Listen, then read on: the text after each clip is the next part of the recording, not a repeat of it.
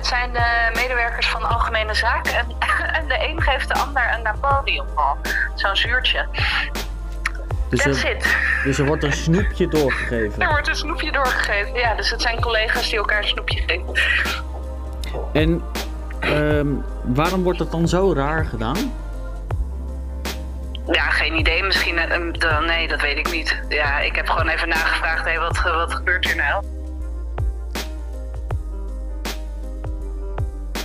Hoi beste kijkers, Dutch Matrix, illusie van onze realiteit. Vandaag een nieuwe gast in het huis en haar naam is Dani. Welkom. Dankjewel. Ersan is er ook. Hey, hoi Dani. Hallo. En Dani heeft een boek geschreven en eh, die gaan we straks eh, met haar samen doornemen. Ersan heeft ook een onderwerp die hij later in gaat voegen. Dus eh, we maken er weer een spontane aflevering van.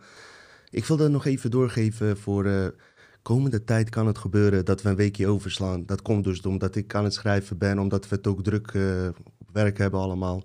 Dus het kan zijn dat er soms, eh, wat ook laatste tijd gebeurd is, dat we eens in de twee weken, zeg maar, op gaan nemen. Dat wil ik even doorgeven. Vandaag gaan we in ieder geval een hele leuke aflevering dus met Dani maken. Ze heeft een boek geschreven genaamd...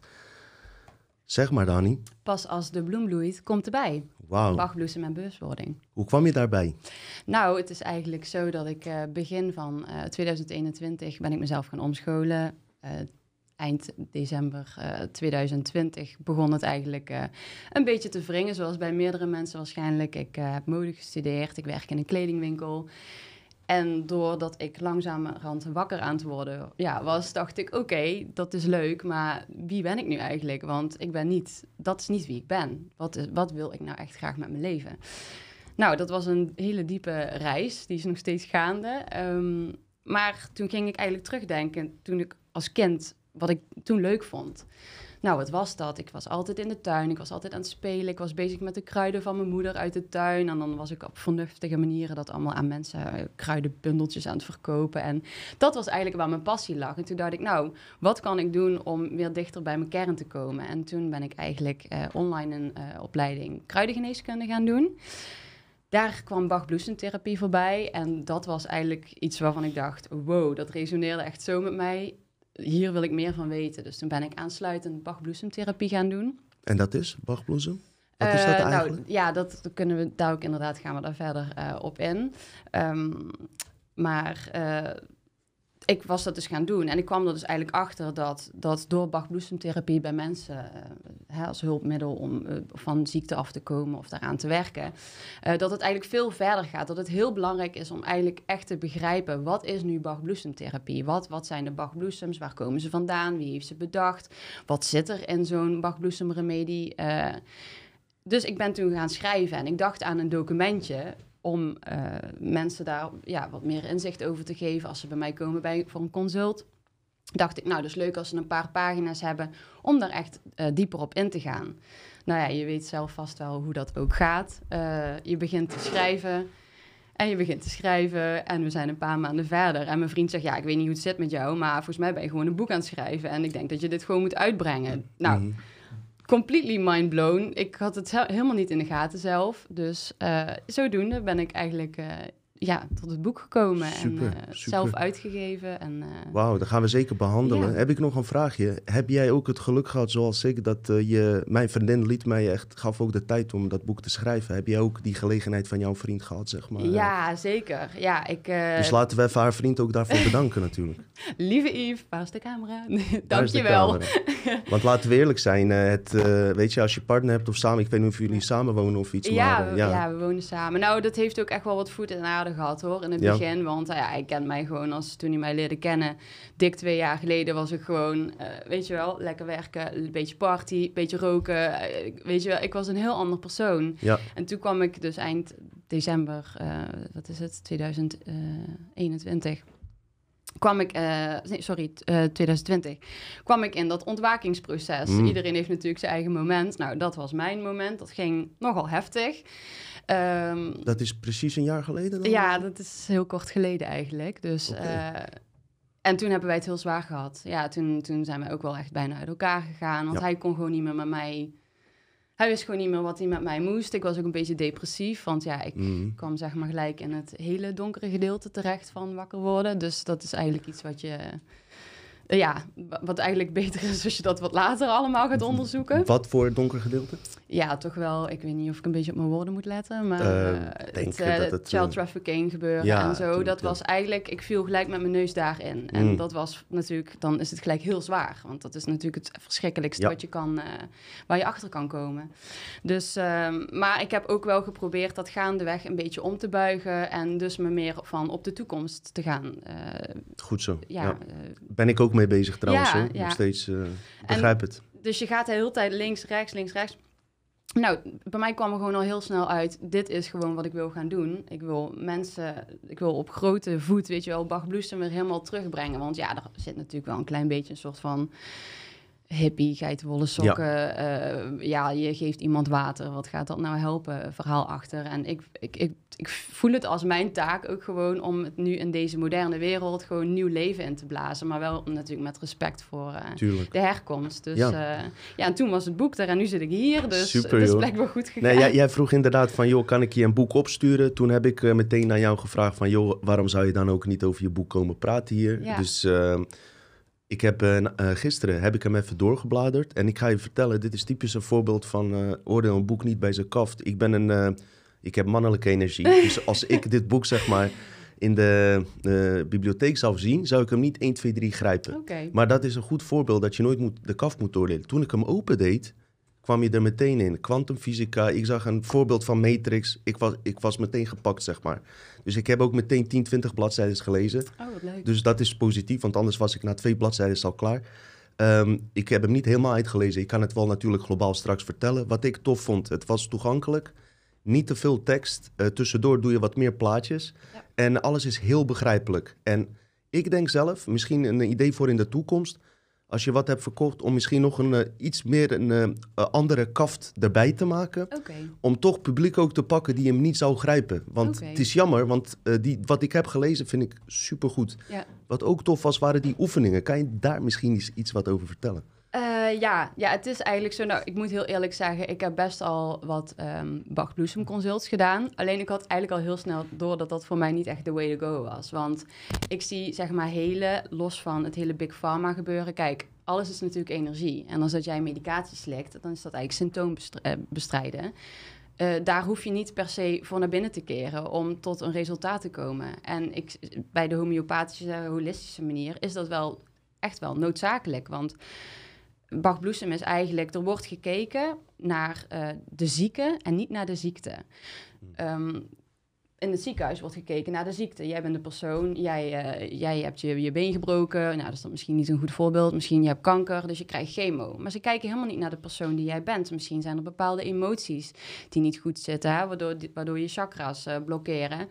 En je raak je uit homeostase. En als dat voor langere periode gebeurt, dan krijg je uiteindelijk natuurlijk gewoon tumoren en kunnen er bepaalde dingen verkeerd gaan zitten in het lijf. Eh, en dat kan je alleen maar. ehm, eigenlijk is de enige manier om erachter te komen waarom dit gebeurt, door naar de persoon te kijken. Dus, eh, nou, dan weet ik eigenlijk al niet eens meer waar ik naartoe wilde. Nou, Dat eh, geeft niet. het komt erop neer dat je eh, op andere aanpak door naar de Ja. bron te gaan. In Ja. plaats van elke keer eh, dwijlen soort van met de kraan ja, open. en dan kom je uiteindelijk natuurlijk ook gewoon eh, erbij uit dat je gewoon echt moet gaan kijken naar wie jij zelf bent. Ja. Eh, wat doe ik misschien fout in mijn leven? Heb ik misschien te veel stress? Ligt dat aan mijn gezin? Ligt dat aan mijn baan? Ligt dat aan andere factoren? Eh, dus daar Aan de ik- overheid. ja, ook dat. Leefgewoonte. Eh, ja. ja, ongezonde leven. Ja, voeding uiteraard komt ook terug. Eh, dus dat is eigenlijk waarom ik die oefeningen ook eh, erin heb gezet. Die hoef je niet te doen, maar door die oefeningen te Ja. gaan doen, kan je wel heel erg duidelijk in kaart brengen van, goh, waar gaat het nu mis? Of waar moet ik naar gaan kijken? Ja, duidelijk. Je Ja. zegt net dat je pas een jaar wakker bent. Maar eigenlijk ben je dan toch best wel lang wakker, aangezien je toch wat langer met deze Nou, onderwerpen. oh, dus je bent ook niet met voeding en alles wat je Mm, schrijft, wist ja. je niet een jaar geleden. Nou, ik, ik was eh, afgelopen september nog vegan. Oké, en nu ja. niet meer? En nee, nee, nou niet Nu meer. eet je vlees. Ja, Oké, Ja, oké. Ja, dat Ja, is... wij ook hoor. Maar eet je ook gewoon vlees uit de supermarkt? Nee, absoluut niet. nee.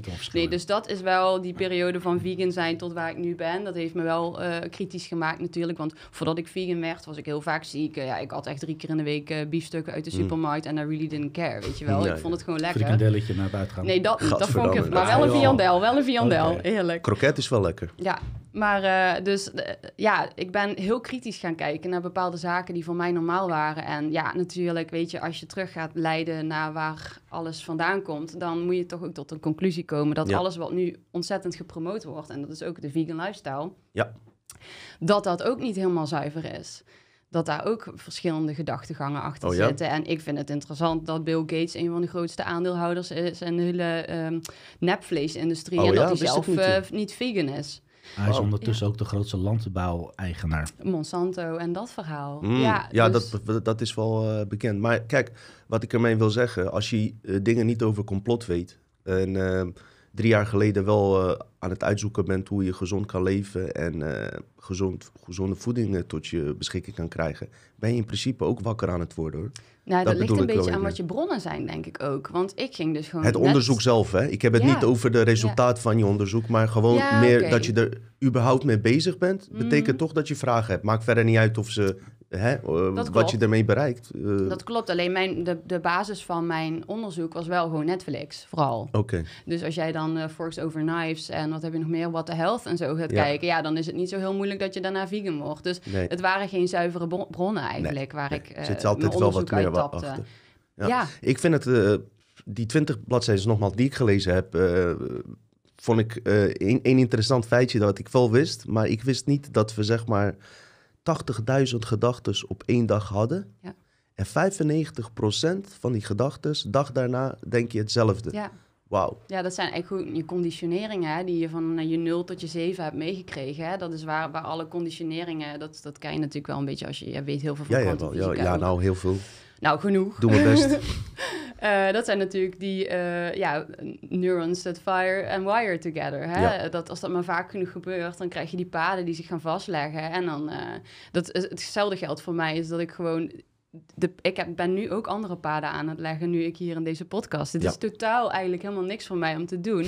En toch moet ik er dan doorheen, omdat ik denk, ja, dat is weerstand, dat is ook groei, dat Ja. is ook belangrijk. Dus dat zijn ook Je moet conditioneringen. helemaal niks, hè? Maar, Nou, ik moet dat van mezelf. Van ik vind dat belangrijk. En ja, dat zijn natuurlijk ook gewoon conditioneringen die je dan dus gaat omleggen. Ja. En dat is, dan zijn dat andere gedachten. Ik zat in de auto hier naartoe en dan denk ik, oh ja, is toch wel spannend, is toch wel spannend. En dan denk ik, ja, maar Daan, je bent niet meer dat meisje Nee. in groep 8 die een, proef, of een eh, spreekbeurt moet doen en dan helemaal staat te shaken.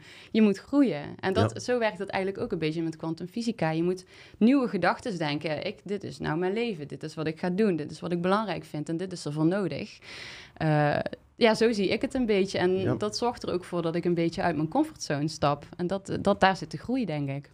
En eh kwantumfysica is ook, daar schrijf je ook over dat je er wel van overtuigd eh, moet zijn dat het gaat lukken. Ja, Dus eh, ja, ook als je naar zo'n podcast gaat en je denkt van ja, dit gaat gewoon lukken. En Ja. je beeld je in dat het gewoon goed loopt en alles. Ja. Ik heb dat ook nog steeds. eh, vanochtend toen ik wakker werd, ik heb was eh, last van ochtendhumeur.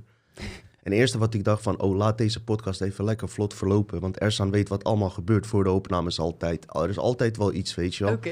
En vandaag ging het nog redelijk goed. Die kleine ging net uiteraard wel huilen. Maar ja, dat is, eh, onderhand ben ik dat al gewend zijn kinderen. zijn kinderen altijd weer net voor de opnames. Maar dat zijn net die programma's die proberen af te leiden om toch niet in die eh, positieve sfeer. eh, Dat, ja. En dat herkennen is ook zo, En zo, zo Wat belangrijk. het mooiste is, moet ik even bij aansluiten, is dat hoe jij dat gevoel ervaart, zeg maar positief of negatief, dat heb ik precies hetzelfde. Dus als jij een, een, een, tegenstribbelende gevoel hebt van hoe we de podcast ingaan, dan heb ik ook vaak wel iets dat ik zoiets heb van kutzooi.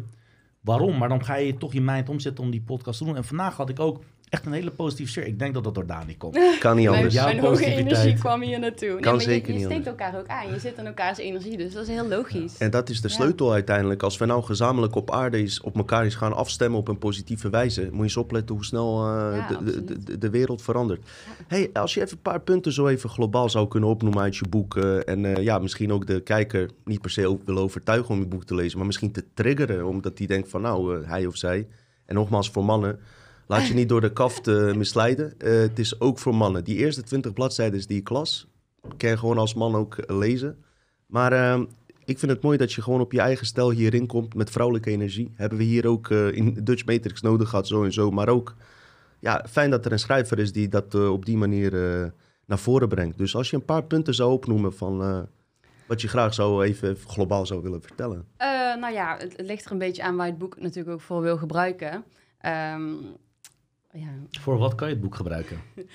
oh, ik val, ik val even stil. Nee, Dat geeft maar- niet, dat geeft niet. We hebben soms een eh stilte Wat momentje ik, nodig. wat ik wel echt heel leuk vond in je boek was dat ik een appeltekening zag. Dat is het eerste wat mij opviel. En die appel die had een soort van dezelfde tekeningen rondom die appel als een magnetisch veld om een aarde of om een object. Ja, dat is ook wat het is inderdaad. Het gaat over dat eh toroidal field inderdaad. Hè? Dat, dat je alles wat je uitzendt, dat trek je ook weer naar je toe, zeg maar, met je hersenen. Dus daar gaat het eigenlijk over en dat is echt dat stukje kwantumfysica. Dus als je daarin wil verdiepen, dan is het een superleuk boek om aan te schaffen, omdat het eigenlijk vanuit een gezondheidspoint of view wordt geschreven. Tenminste, dat is wat ik vind. Mhm. Ja, daar sluit het op aan. Het is wel echt een boek wat over ook gezondheid gaat. Want eh, Bach-bloesemtherapie is natuurlijk gewoon een therapie die, die is er voor de gezondheid. Dus je kan er ook andere dingen mee doen. Maar ja, voor mij is het gewoon echt eh, heel Gezonde belangrijk. lifestyle. Ja, een gezonde lifestyle. En natuurlijk staat er ook in dat je gewoon af en toe gewoon een zak chips helemaal leeg kan kanen. Ik bedoel, dat doen we allemaal. We zijn allemaal Tuurlijk. niet heilig, weet Je moet niet ook te streng zijn. Nee, dus dat. En het, het gaat ook over bepaalde suppletie, wat ik daarover eh, ja, heb uitgevonden. Eh, ehm, ook natuurlijk met mijn nieuwe kijk op voeding. Ik kan het vanuit het perspectief van iemand die vegan is, kan ik daar heel duidelijk op Ja. ingaan. En wat ik vind dat daar niet aan klopt, of in ieder geval vanuit mijn Ja, belevingswereld. want waarom ben je van vegan afgegaan eigenlijk? Ja, dus eigenlijk eh, om verschillende dingen. Ja, dat zijn heel veel verschillende in- inslagpunten eigenlijk. Ik ben ehm, niet vorig jaar augustus, maar nou, een dik vet jaar ben ik gestopt met de eh, anticonceptie. Eh, omdat ik natuurlijk gewoon steeds bewuster werd. En ik dacht, ja, ik kan toch niet elke dag zo'n pil in mijn lijf en dat daar van alles gebeurt. Ja, En maar je wil in deze tijd toch geen kinderen, of wel? Nee, ja, nee, Grapje, ook, grapje, ook grapje. niet, ook niet. Nee, nee, nee, Hij heeft zeker hier net niet. een, eh, een pakket weggegeven aan alle zwangere aan, mijn, geitje. aan mijn lieve zus. Complotkinderen? Nee, Nee, joh, ik ben grapje. net tante geworden, daar ben ik Nee, hartstikke blij Ah, om. Super. Maar, eh, Gefeliciteerd. ja, dank je. Ehm, Je, Maar, hoe ja. heet het, eh, je, je besloot eh, in ieder geval van vegan af te gaan. Ja. Maar voelde, hoe- voelde je daar niet eh, gezond aan toen je vegan was? Of Nou, zo? de eerste paar jaar eigenlijk wel. Want uiteindelijk was het vijf jaar lang eigenlijk dat ik vegan at. Ehm, en nu moet je ook weten, kijk, iedere mens is natuurlijk anders. Ik ben, zoals je ziet, niet de dikste. Dat ben ik Nee. nooit geweest. Ik, ik, ik ben iemand die gewoon alles kan eten wat hij wil. En ik blijf gewoon standaard hetzelfde gewicht. Mhm. Ehm, maar ik merkte wel, toen ik stopte met de pil... eh, toen viel ik in één keer heel erg eh, af. Want ja, dat kan natuurlijk een van de dingen zijn als dat je stopt. Want de meeste Met mensen vocht vasthouden? ja, vocht beetje- ja. inderdaad. En eh, nou ja, goed, bij iemand die wat zwaarder is als ik, merk je dat niet. Maar als ik in de spiegel kijk en ik raak flink wat vocht kwijt, ja, dan, dan word je gewoon niet zo heel erg vrolijk. Ik hou zelf wel van een vetlaagje namelijk. Nou ja, dus dan krijg je natuurlijk ook allemaal emotionele dingen daarbij. En op den duur kon ik niet anders eigenlijk als ehm, ja, gewoon toegeven dat ik kreeg gewoon niet genoeg vet binnen. Ik kreeg niet genoeg ja, Je, bouwstenen. je voelde dat er iets miste. Ik voelde dat er iets mis was. En dat kwam eigenlijk pas nadat ik stopte met de pil. Want ja, je lichaam wordt natuurlijk een soort van... Die eh, hormoonwisselingen gaan krijgen. Ja, eh, ja, ik werd gewoon bewuster. Dus ik stond in één keer open voor allerlei andere eh, invloeden ook. Dus Toen ben je ook complotdenker geworden en toen ben ik complotdenker geworden. Ja, en dat, ja, dat gaat natuurlijk... Hoe kwam je uit- eigenlijk daarbij? Om, eh, zeg maar, eh, wat kwam er op je pad dat het je triggerde om, zeg maar, laten we zeggen, die eh, child trafficking en zo. Hoe kwam je daar terecht? Was dat die Q-fase, dat iedereen Ja, met ook Q wel. Ja, was? dat hele Trump-verhaal, daar heb ik toch ook wel even in gezeten. En ja, blij toe, want ja, weet je, van het een komt het ander. Iedereen heeft een ander inslagmoment. Maar ik kwam op den duur gewoon erachter van, er klopt hier echt iets niet. En ik had ook al vanaf het begin eigenlijk heel erg duidelijk een soort van aversie tegen die hele mondkappenbeleid. Weet je, want ik werk natuurlijk in een winkel en ik was al direct van, oké, ik ga dit niet doen. Dit is zo mensonterend en het voelt in de basis zo fout. En dus ik kreeg steeds meer gewoon, ja, Je voelde het gewoon aan, dat heel veel niet. weerstand tegen Ja. de situatie. En toen zei ik dat op den duur eh, tegen mijn beste vriendin. Die kwam langs om mij op te zoeken in mijn huis, in, eh, mijn nieuwe huis in Maastricht. En die zei, ja, ik, eh, ik heb een, een klant en ja, dit is misschien heel raar, want je kent haar niet, maar misschien moet je even met haar bellen. Want ik hoor hier van alles en ze heeft ook van alles tegen mij gezegd Ja. over eh, dat er allemaal dingen niet Dat kloppen. is ook zo'n gek als jij, zegt ze. Ja, niet- nou nee, met, met mijn beste vriendin echt. Nee, hoor, like, grapje, seriously, zij al zeg ik de gekste dingen. Ze heeft altijd respect en echt, ja, Wauw, daar, zijn je- Dat daar ben je vrienden knap. voor. Echt. Hoeven ze niet per se dezelfde mening te hebben. Nee, als je vrienden bent, sta je achter elkaar. Ja. Toch, Ersan? Altijd Dino. Doen wij ook. Ja, dus Ja. Wij, ik heb gebeld met haar, eh, dus inmiddels ook een hele goede vriendin. En zij kwam gelijk, bam, weet je wel, binnen. Dus ik was helemaal, what's happening? Oh mijn god, en dat, eh, het is allemaal een hoax en wat gebeurt hier? Mhm. En we worden helemaal, nou ja, van de kwaad tot erger. Dus toen kwam ook die moeilijke periode met mijn vriend natuurlijk. Maar wat, die wat dacht- voelde je toen, toen je dat hoorde? Ja, ik was gewoon depressief. Mijn hart brak gewoon. Maar, Zo mooi om te zien. Je bent een hele emotionele persoon. Ik voel echt je, je, je krachten ook al. Ja. En ik merk dan ook wel dat je dan ook wel echt wordt observed. Dus als een spons, al die emoties. Ja, en ik wilde oh, alles nee. weten. Want je hebt soms ook mensen die dan denken, oké, oké, ik ga eerst even dit. En dan een ander moment doe ik dat. Het zal wel. Nee hoor, ik gelijk dit, dit, dit, Ja. dit. En ja, tegelijkertijd ging ik me steeds meer verdiepen natuurlijk in die holistische kijk op, op eh, gezonde, eh, ja, gezondheid. Dus ik werd ook gewoon super boos. Ik Mhm. werd boos op alles om me heen. Weet je, ik werd boos op Big Pharma. Ik werd boos op al die chemtrails. Ik, ja, dus, en dat is heel grappig. Want toen ik uiteindelijk bij Daniel terecht kwam, natuurlijk Daniel Zavrel, die heeft ook die scan gedaan. En die zei ook, ja, jouw hart, eh, oeh. Mm, weet je mhm. wel, die heeft flink wat te verduren gehad. Dus ik zei, ja, dat snap ik wel. Ja. Ja, dus eh, Hey, ja. En ehm, zeg maar, eh, jij kwam daarachter, je bent gechoqueerd, begrijp ik. Ik heb ook, eh, toen ik het net ontdekte, weet je, al kregen wij in die tijd niet zo'n overload aan informatie. Want eh, toen die QAnon-gekte aankwam, zeg maar, eh, wat trouwens ook positief is geweest, heel veel mensen zijn er wakker door geworden. Dat, dat dus. Het was zo massaal en wat je zegt, iedereen deelt zoveel informatie in één keer Ja. dat je ja, overload kan raken. Maar dan kom je thuis en eh, je vriend, eh, je vertelt dat, je vriend dat. Hoe, zit, hoe zat of zit hij daarin eigenlijk? Was die wat iets van, ik vind het ook interessant? Of, eh, Mm, hij vindt het wel interessant, maar hij is er totaal niet zo mee bezig als ik. Ik moet zeggen, nou, uiteindelijk ben ik heel blij, want ja, het is heel, je kan het eigenlijk niet over iemand anders zeggen, maar goed, het is mijn vriend, dus ik ga het gewoon doen. Hij was gewoon niet zo wakker op dat moment voor de zaken als waar ik wakker voor was geworden, als, mhm. ja, als ik. Dus dat was voor mij heel zwaar, want ik wilde hem alleen maar heel tijd, heel tijd informatie geven. En je zat, Mm. hij is natuurlijk artiest, dus hij was ook heel erg, eh, ja, weet je, met, met prikken en QR. En ja, wat moet ik daarmee? En kan niet optreden. Dus, en ik was me de hele tijd van, nee, niet doen, niet doen. Want je weet echt, je hebt geen idee, weet je wel. Mhm. Dus dat was voor hem ook heel frustrerend. Ja. En ik, ik, ja, ik was gewoon zo'n stuiterbal als nu, maar dan negatief. Ja, dat wil je ook echt niet om je heen hebben. Dat snap ik heel goed. Dus, Ja, hij eh, zit in zijn eigen emotie, hij zit in zijn Ja. eigen problemen op dat moment. Ja. En hij, heeft, hij denkt aan zijn toekomst en het is een hele onstabiele markt aan het worden. En dan dat jij dan hem in één keer wakker probeert te maken. Want ik ken het gevoel wel dat mensen zeggen, ik ben niet wakker, terwijl die jongen waarschijnlijk wel wakker is. Maar hij zit op zijn eigen flow en zijn eigen level. Ja. Zeker. En- hij wilde nog een beetje de kat uit de boom kijken en dan zien waar dat naartoe ging. En ik zei, ja nee, maar dat weet ik al lang, want ik heb de Rockefeller Ro- Lockstep eh, gelezen. En eh, ik, ik weet precies waar we naartoe gaan. Ja, Dus ja, ik snap het ook wel. Een dikke vette props ook voor hem. Weet je, dat dat is gewoon goed is blijven gaan. eh. ik merk ook thuis, eh, mijn eh, vriendin staat er open voor en ze weet veel meer. Ze, ze verbaast me ook af en toe hoeveel ze eigenlijk weet. Maar eh, ze zit er niet zo diep in. Ze leeft haar lij- leven gewoon verder. En dat moet je ook vooral doen. En ik ben er ook zo in geweest. Ik heb haar zoveel overloaden met informatie aan het begin. Want als ik één opening zeg maar zie dat, dat ze interesse in iets heeft, dan ben ik drie uur aan het praten. Maar het effect daarvan is dat die hersenen overload worden. dat- Waardoor ze eigenlijk liever naar andere mensen luistert. Eh, we waren in Kroatië, haar neef, hele slimme jongen, weet ook heel veel over deze dingen, maar ook op psychologische vlak. Maar in principe vertelt hij diezelfde dingen als ik. Maar als hij praat, is ze geïnteresseerd. Zodra ik erover begin, begint ze gewoon te gapen. Waarom? Maar ze ziet je ook nog al. Ja, maar ook om het feit dat ik haar... eh, ik heb haar zoveel overloaden met informatie. Net een film die je 50 keer hebt gezien. Je wil een keer een andere film zien, weet je. Even van een andere invalshoek horen, zeg maar. Ja, Heb ik wel even een vraagje voor jou als vrouw zijnde. eh, in, eh, wat er nu bij Voice aan de hand is bijvoorbeeld, Ja. hè. Heb ik een vraagje. Dat is mijn onderwerp. nou, Oh, ja. nou, Dat dan kunnen we meteen zo onderwerp. over... Ja, maar Ja. zo meteen dan. Zo meteen. Nee, nee, we Ja. maken we een overbrugging. We kunnen alle kanten op. Eh, maar even, omdat ze het over child trafficking heeft. Ehm, je hebt dat ook onderzocht. Ja. Eh, vind je het niet bizar dat eh, eh, nu wat er naar buiten is gekomen van een paar getuigen die dingen beweren, die ik trouwens geloof en ik vind het onwijs verschrikkelijk. Laat ik dat, daar even duidelijk over zijn. Maar als je het vergelijkt met getuigenissen van al die kinderen wereldwijd tegenover de grootste machten, ja. die zijn, die zijn ook geïnterviewd. Die hebben ook verschillende kinderen hebben dezelfde namen doorgegeven, bijvoorbeeld, waardoor je die kinderen bijvoorbeeld serieus zou kunnen nemen. In Nederland speelt er een hele grote zaak.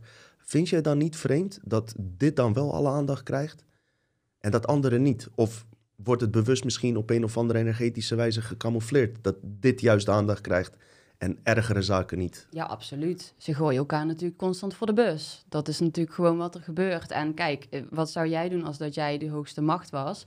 En er zit ergens in, eh, in Den Haag gebeurt er van alles natuurlijk al uh, tig jaar, al, al 40 jaar, wat, uh, niet waar denk niet over gesproken mag worden. En dan is het natuurlijk lekker makkelijk als je de mediawereld gewoon eventjes zo in het vuur duwt. En dan is dat lekker afleidingsmanoeuvre. En ja, ik heb daar, ben er ook wel heel uitgesproken, ook op, ook op Instagram over. Dan denk ik, ja, maar mensen, hoe kunnen jullie hier in godsnaam van schrikken? Dit is natuurlijk al zo lang aan de gang. -hmm. En de enige manier, uh, ja, waarop de mensen die hoog, weet je wel, uh, in de macht zitten, kunnen blijven zitten, is door andere mensen op te offeren. En dat is, dat is gewoon wat je nu ziet. Plus, ze doen altijd dit soort dingen wanneer er andere, aan de andere kant van de tafel uh, wetjes en zo er doorheen uh, gerost moeten worden. En dat is wat ik zie. Los van het feit dat ik natuurlijk uh, het verschrikkelijk vind en het geloof, wat er ja. natuurlijk gebeurt. Ik bedoel, ja, dat, ik sta daar totaal niet van te kijken. Nee. nee. nee. Hey, en als je zeg maar. eh, hoe moet ik dit even stellen? Ten eerste, het is uh, helemaal niet oké okay wat, wat daar gebeurd is, weet je wel. Ik ga niemand veroordelen zonder bewijs. En wat uh, met Ali is uh, gebeurd...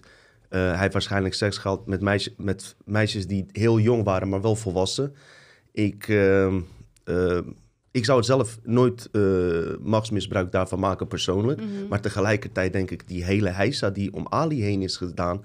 Terwijl we aan de andere kant bijvoorbeeld Marco hebben en nog veel ergere verhalen... Ja, ja. vind ik wel vreemd dat nu alles op hem zo gericht is. En meteen uh, in de krant neerzetten als verkrachter. En dan met de meest bizarre foto's, weet je wel.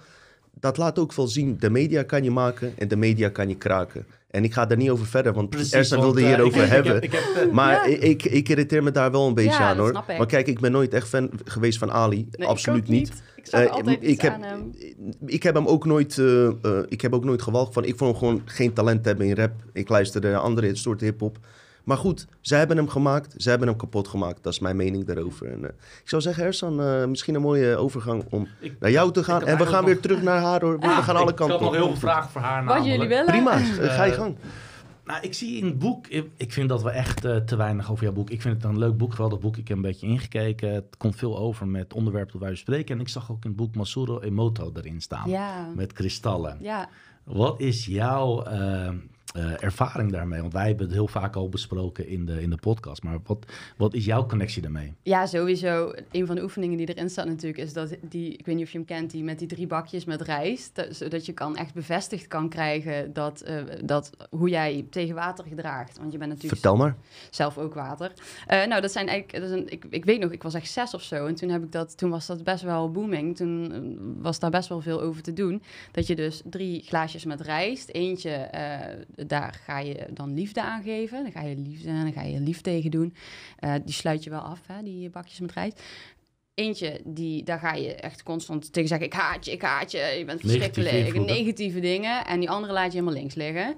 En dan zie je dus da daadwerkelijk eh, dat daar van alles gebeurt met die rijst. Eh. En eh, ja, goed, ik, ik denk dat mensen het gewoon eens thuis moeten gaan Een proberen. soort van als met die waterkristallen wat ze hebben ja, gedaan. Precies. Ja, ja. Geloof jij in, in krachten, in onzichtbare krachten? 100 procent. Ja, ik denk dat, het- dat het heel erg raar is, eh, anno 2022, als je echt een beetje logisch kan nadenken, dat het onlogisch is eh, om dat, dat, daar niet in te geloven eigenlijk. Heb je de boek of de films The Secret ooit gekeken? Ja, zeker. En in hoeverre verband heeft The Secret met jouw boek eigenlijk overeenkomst? Want dat zie ik ook wel een beetje terug. Ja, ik heb er een stukje, een heel klein stukje over geschreven. Is dat dat eigenlijk gewoon. Kijk, het feit dat het natuurlijk al door Oprah helemaal werd gepromoot toen de tijd, dat laat al zien dat ze daadwerkelijk iets naar voren hebben geschoven. Van kijk, zie je, je kan alles bereiken in het leven wat je wil. Door het maar te vragen. Kijk, je, dan moet je je al afvragen of dat de way to go is. Ja, Want als Oprah het promoot, dan weet je dat, Nee, dat er ergens iets niet klopt. Vooral met en- opera. Ja, en dat is natuurlijk het, het halve verhaal. En dat is wat ik ook zeg. Er komt veel meer bij kijken dan alleen iets wensen. Je een moet soort ook. van, waar Dino had over dat child trafficking, maar dan komt er ook een heel stuk achter eh, Ja. dat verborgen wordt. en- Tuurlijk, tuurlijk. Ja. Je moet er veel dieper in. En ja, dan kom je inderdaad bij eh, meditatie. En dan zeggen ze mensen, ja, kom je weer met je meditatie. Maar we zitten natuurlijk... eh, in deze tijd, en dat is ook waarom ik er een stukje aan heb gewijd, is veel mensen zitten nu constant in die fight and flight, waardoor jouw hersengolven natuurlijk gewoon altijd een beetje fucked up zijn. Waardoor jij niet in je rust kan komen. En als je niet in je rust kan komen, dan kan je niet creëren. Dat kan gewoon niet. Dus als jij daar iets mee wil gaan doen met The Secret, als jij dingen voor jezelf wil veranderen, dingen voor jezelf wenst, nou in dit geval op natuurlijk gezondheidsniveau, dan moet jij vaker in een rustpositie komen. En daarvoor kan je natuurlijk meditatie Moet gebruiken. ik daar ook rechtop gaan zitten? Want ik zit nu een beetje schuin ja, zo ja, dan te moet je kijken. Dan inderdaad moet dan- dan rechtop gaan zitten. Oké, dan kan Ja, ik ademhalen. dan, eh, Heb ja. ik van Stef geleerd, dan haal Klopt, ik adem klopt. en dan haal Ja. ik adem uit. Stef is daar heel goed in, inderdaad. Ja, ja. Stef is echt een wereldgozer. ja. Ja. Hey, en eh, eh, over eh, gesproken. Ik moet wel zeggen dat, die, dat dat boek mij eigenlijk best wel wakker heeft gemaakt qua spiritualiteit. Want eh, ik voelde wel echt iets bij dat boek. Maar ik denk niet dat die schrijvers bewust zeg maar, eh, mensen wilden omleiden naar, eh, eh, zeg maar, eh, hoe moet ik dat zeggen? Ik denk dat het boek goed uitkwam voor opera omdat die. New Age stroom moest gepromoot worden. En in The Secret, omdat ze gewoon, ja, we leren gewoon steeds meer en meer, is toch het werken uit de brein en vragen naar een extern universum. Dat. En niet via hartsfrequentie en naar binnen toe gaan.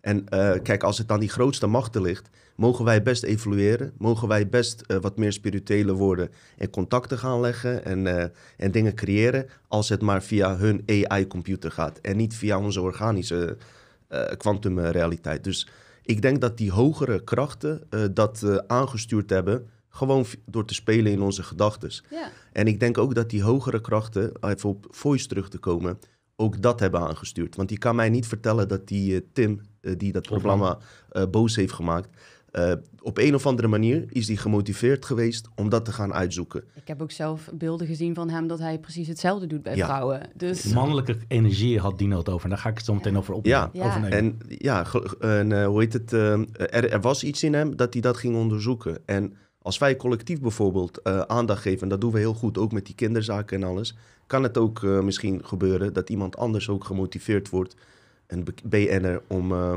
om het soort gelijke te doen, zeg maar. Ja. Maar dan moeten we wel het veld voor open laten gaan.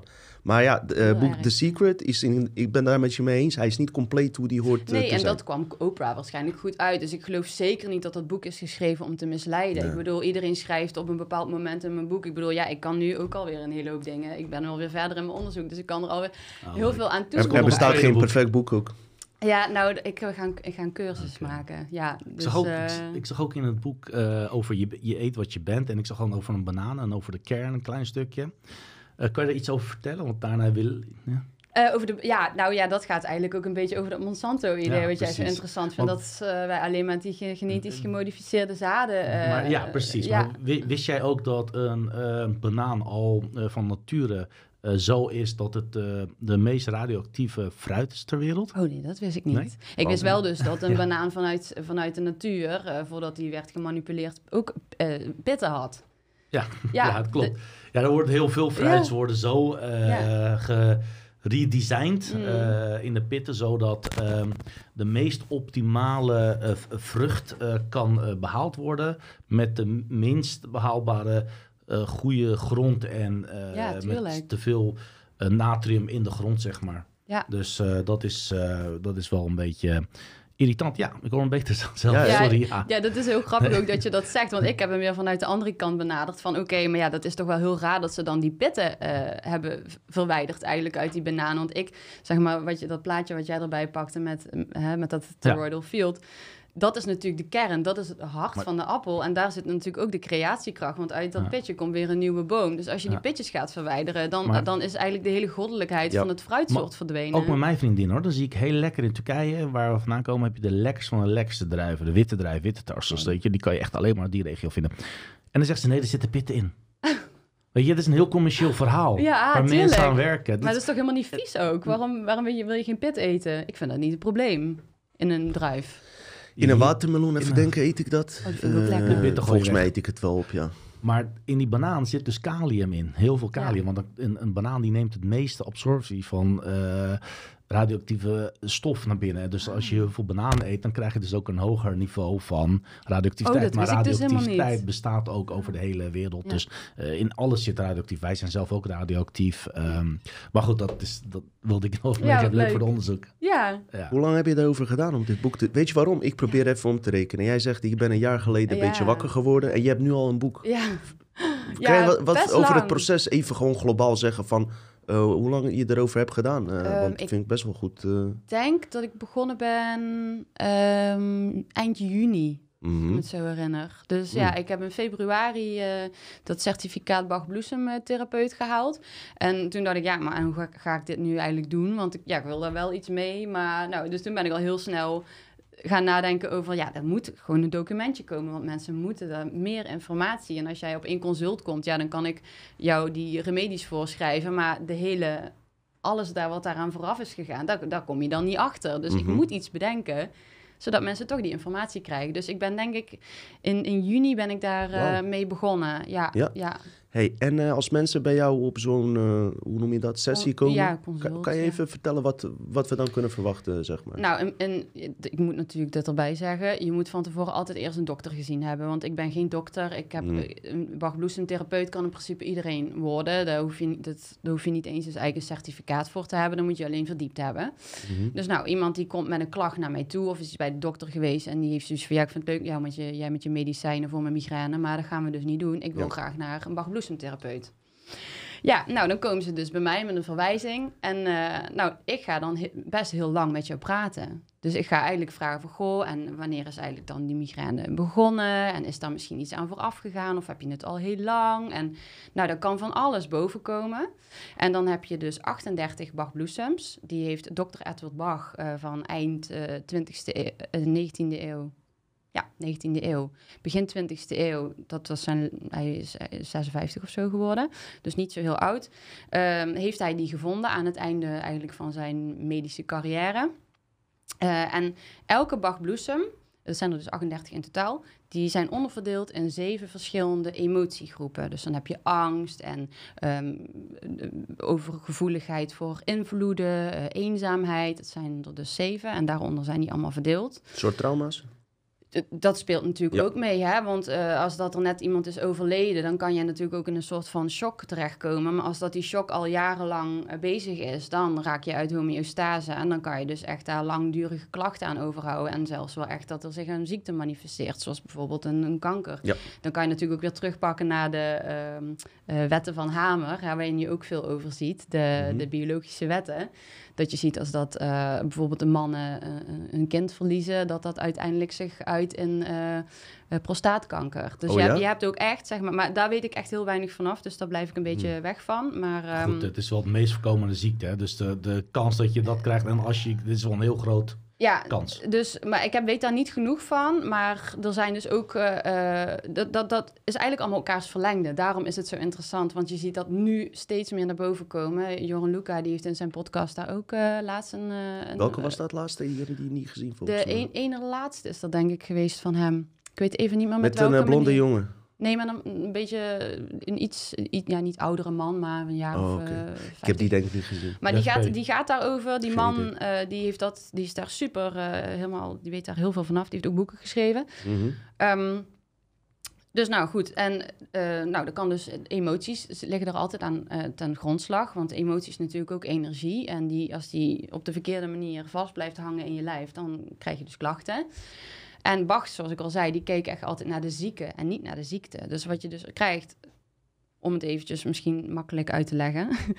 Als jij bij mij komt met migraine en jij komt bij mij met migraine, kan het zo zijn dat jij eh, te veel stress hebt van je werk en jij hebt net, eh, bent met, net heel ziek geweest, bijvoorbeeld.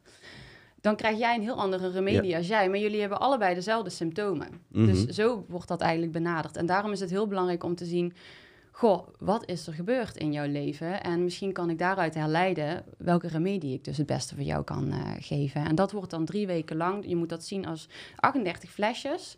Ehm, en dan worden er max vijf, maar het liefst zo weinig mogelijk om het zo Wat, voor, wat zit er in die flesjes dan? Ehm, daar zitten dus allemaal verschillende bloesems van verschillende planten in. wat zijn bloesems? Ik ben heel, heel stom Nou, een hierin. bloesem, Ik ga het- hele stomme vragen Ja, stellen. nee, dat is helemaal goed. Nee, Sorry. dat is helemaal goed. Want ja, voor mij is het natuurlijk allemaal heel normaal. Ja, dus daarom ik- vind ik het ook fijn dat je die vragen stelt. Nee, dat, dat zijn letterlijk de bloemen, de bloesems van verschillende soorten planten. En Mm. niet alleen eh, de bloemen. Later, eh, en, eh, tegen het einde, toen hij nog wat meer eh, remedies ontwikkelde, was dat ook vaker van twijgjes en wat hardere dingen. Dus dan werden er weer andere methodes gebruikt. Maar het is eigenlijk, de meeste bloemen, die werden dan ehm, gepotentieerd. Dan moet je het zo zien dat hij, ehm, hij ging de natuur in.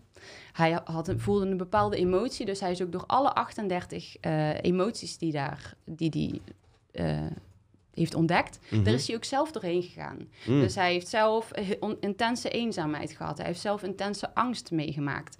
En met die gevoelens is hij dus erop uitgegaan in de natuur en heeft hij bepaalde bloemen, eh, planten, eh, bosjes en daar heeft hij dan eh, Samenstelling van gemaakt. ja, daar heeft hij dus echt de, de bloemen van gebruikt. En dat is allemaal heel streng gaat. Dat, dat moet bij zonlicht en er mag geen schaduw zijn, want anders moet je het weer allemaal weggooien. Ehm, in een bak met bronwater moet dan, daar heb ik ook een, een ik weet niet of dat kan laten zien. Mhm. Ja, deze. eh, tekening Ja. van gemaakt. Die, bak moet helemaal vol liggen met eh, bloemen, zodat je dus eigenlijk het water niet meer ziet. En die Mhm. moet dan uren aan een stuk, moet dat dan eh, in dat water liggen. En dan komt eigenlijk de energetische kracht van de plant, want die komt in de bloem. Dat is natuurlijk het belangrijkste van de hele plant. Komt dan in dat water. En dat is dan uiteindelijk het moedertinctuur. Daar worden allemaal kleine flesjes van gemaakt. En die gebruikt dan een Bach bloesemtherapeut. Eh, en voor een remedie, voor, een, voor iemand die dus eh, geholpen gaat worden... eh, daar worden dan twee druppeltjes van elk gekozen flesje Ja. in dat remedie gedaan. Dat wordt aangevuld met bronwater en een beetje naar voorkeur eh, azijn Hm. eh, of ehm, eh, brandy. Maar niet iedereen wil alcohol. Dus, ehm, en dat ga je dan Waarom een paar niet? weken. Ik vind ook de alcoholversie lekker. Ja. Nee, en dat wordt dan een paar weken gebruikt. En in tegenstelling tot bijvoorbeeld een kuur, als je verbetering merkt, dus je, je merkt in dit geval dus even, mijn migraine wordt minder, dan mag je ook stoppen. Dus dan is het ook gewoon goed. Mm. Ja. Nou, misschien wat voor jou, Ersan, joh. Hè? Mag ik vertellen? Ja, ik durf het nu te vertellen. Ja. Na mijn corona, dus ik krijg bla bla bla bla bla bla bla. Maar na mijn corona heb ik geen heftige migraineaanval meer gehad. Ik heb ook geen enkele medicatie meer gebruikt. Komt omdat eh, nu allerlei eh, chips in je lichaam zitten Ja, die dat die, allemaal eh, tegenwerken. Dus dat is een voorbeeld ervan. Maar even afkloppen. Ja, maar goed, eh, ze zeggen niet voor niks ook dat je daarna beter wordt. Hè? Dus als je ziek bent geweest, wij kijken veel te Ik ben negatief. heftig ziek geweest. Heftig. Ja, maar we kijken te negatief naar ziekte. Hè? Er is altijd een reden waarom je ziek wordt. Je wordt juist be- eh, eh, Je wordt daarna beter. Ja, En ik had Ja. ook toen mijn ergste migraineaanval ooit gehad toen mijn vader overleed. Want kort Ja. daarna kreeg ik dus corona.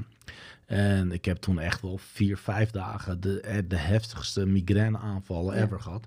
En spanning daarna ook, hè? corona. Ja, ook de Ja. spanning en alles. En ik heb nu al eh, sinds oktober geen, eh, geen migraineaanval meer gehad. Ja, dus dat kan zijn En dat je, ik- dat je dus nu beter En ik heb van een kijker ook een, een, een steentje gekregen. Daar heb ik ook wel eens contact mee. En die steentje die heeft zo'n soort kristalletje. Die heb ik dan ook, eh, moest ik in bed. Die ligt nog steeds in bed. Oh, wat leuk. En die ligt er ook nog steeds in. Ja, helpt ook. Ik hoop het wel. Dus ik, ik geloof ook in haar, ook in haar positieve energie. Dus die, dat heb ik er zeker in ingelaten ook. Leuk. ik moet ook meteen toch aan ayahuasca en DMT denken. Dat is misschien een extremere vorm, Ja. maar die bereiden er natuurlijk ook voor. Hè? Eh, er wordt ook gekookt. En eh, tijdens het koken zei die mevrouw, waar ik eh, zeg maar mijn sessie deed, Mhm.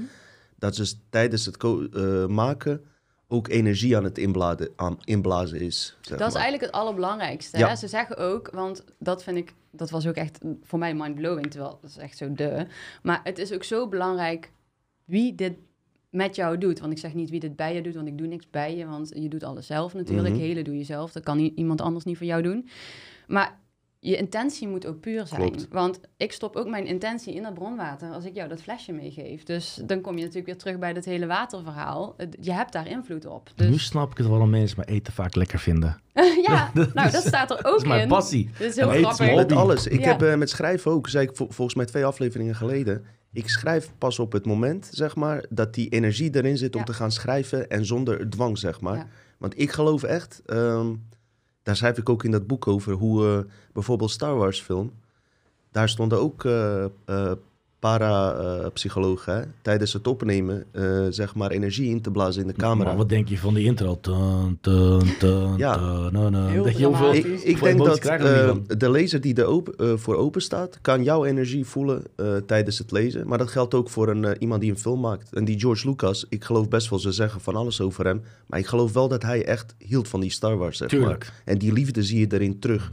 Toen Disney het heeft overgenomen, die dacht alleen aan geld. En het is gewoon niks meer aan. Maar dat heb je toch ook vaak met jouw vriend is dan eh, muzikant. En dat heb je ook vaak met muziekbands. Dat je de eerste album, tweede album denkt, wow. En daarna krijg je een album dat je denkt van, is dit voor geld gemaakt? Wat is dit? Hebben jullie dit gemaakt omdat jullie vinden dat er Ja. nog een, een album uit dat moest heeft komen? met je contracten te maken. Ja. dat is Ja. inderdaad heel Eh, interessant. Mijn ja. vriend die houdt daar helemaal niet van. En die heeft altijd gezegd, ik wil zelf de regie houden. Ja, ik, ga precies. geen, ik ga niet mijn eh, ziel Precies. verkopen. Dat had hij Nee. geloof ik al best wel kunnen doen. Ja. Want, en dat vind ik ook mooi in hem, eh, weet je wel. Dus, nou ja, dan, eh, die moet je ja. houden. Die moet je Ja. zeker houden. Ja. Want eh, eh, iedereen is heel en eh, er is net weer een album uit en eh, dat is zeker zo goed als het eerste. Je Dus, mag hem promoten hoor, als je niet gaat. nou, is het rock? Is het, wat is het? Wat voor muziek? Het is een beetje psy- psychedelic, eh Thai, eh, funk. eh, het is een band heet Yin Yin. Ze komen uit Maastricht. Yin Yin, van Yin Yang, maar dan Yin Yin. ja, ja, ja. Ja, heel erg Maar, dat past toch ook eigenlijk wel bij deze onderwerpen? Dus het is ja, toch mijn, ook mijn niet vriend vreemd. is ook altijd ja. heel fan geweest. Die moet vroeger hier ook ook, van ja. edelstenen en mineralen en zo. Dus wat dat betreft, eh, hij heeft ook op de vrije school gezeten. Dus eh,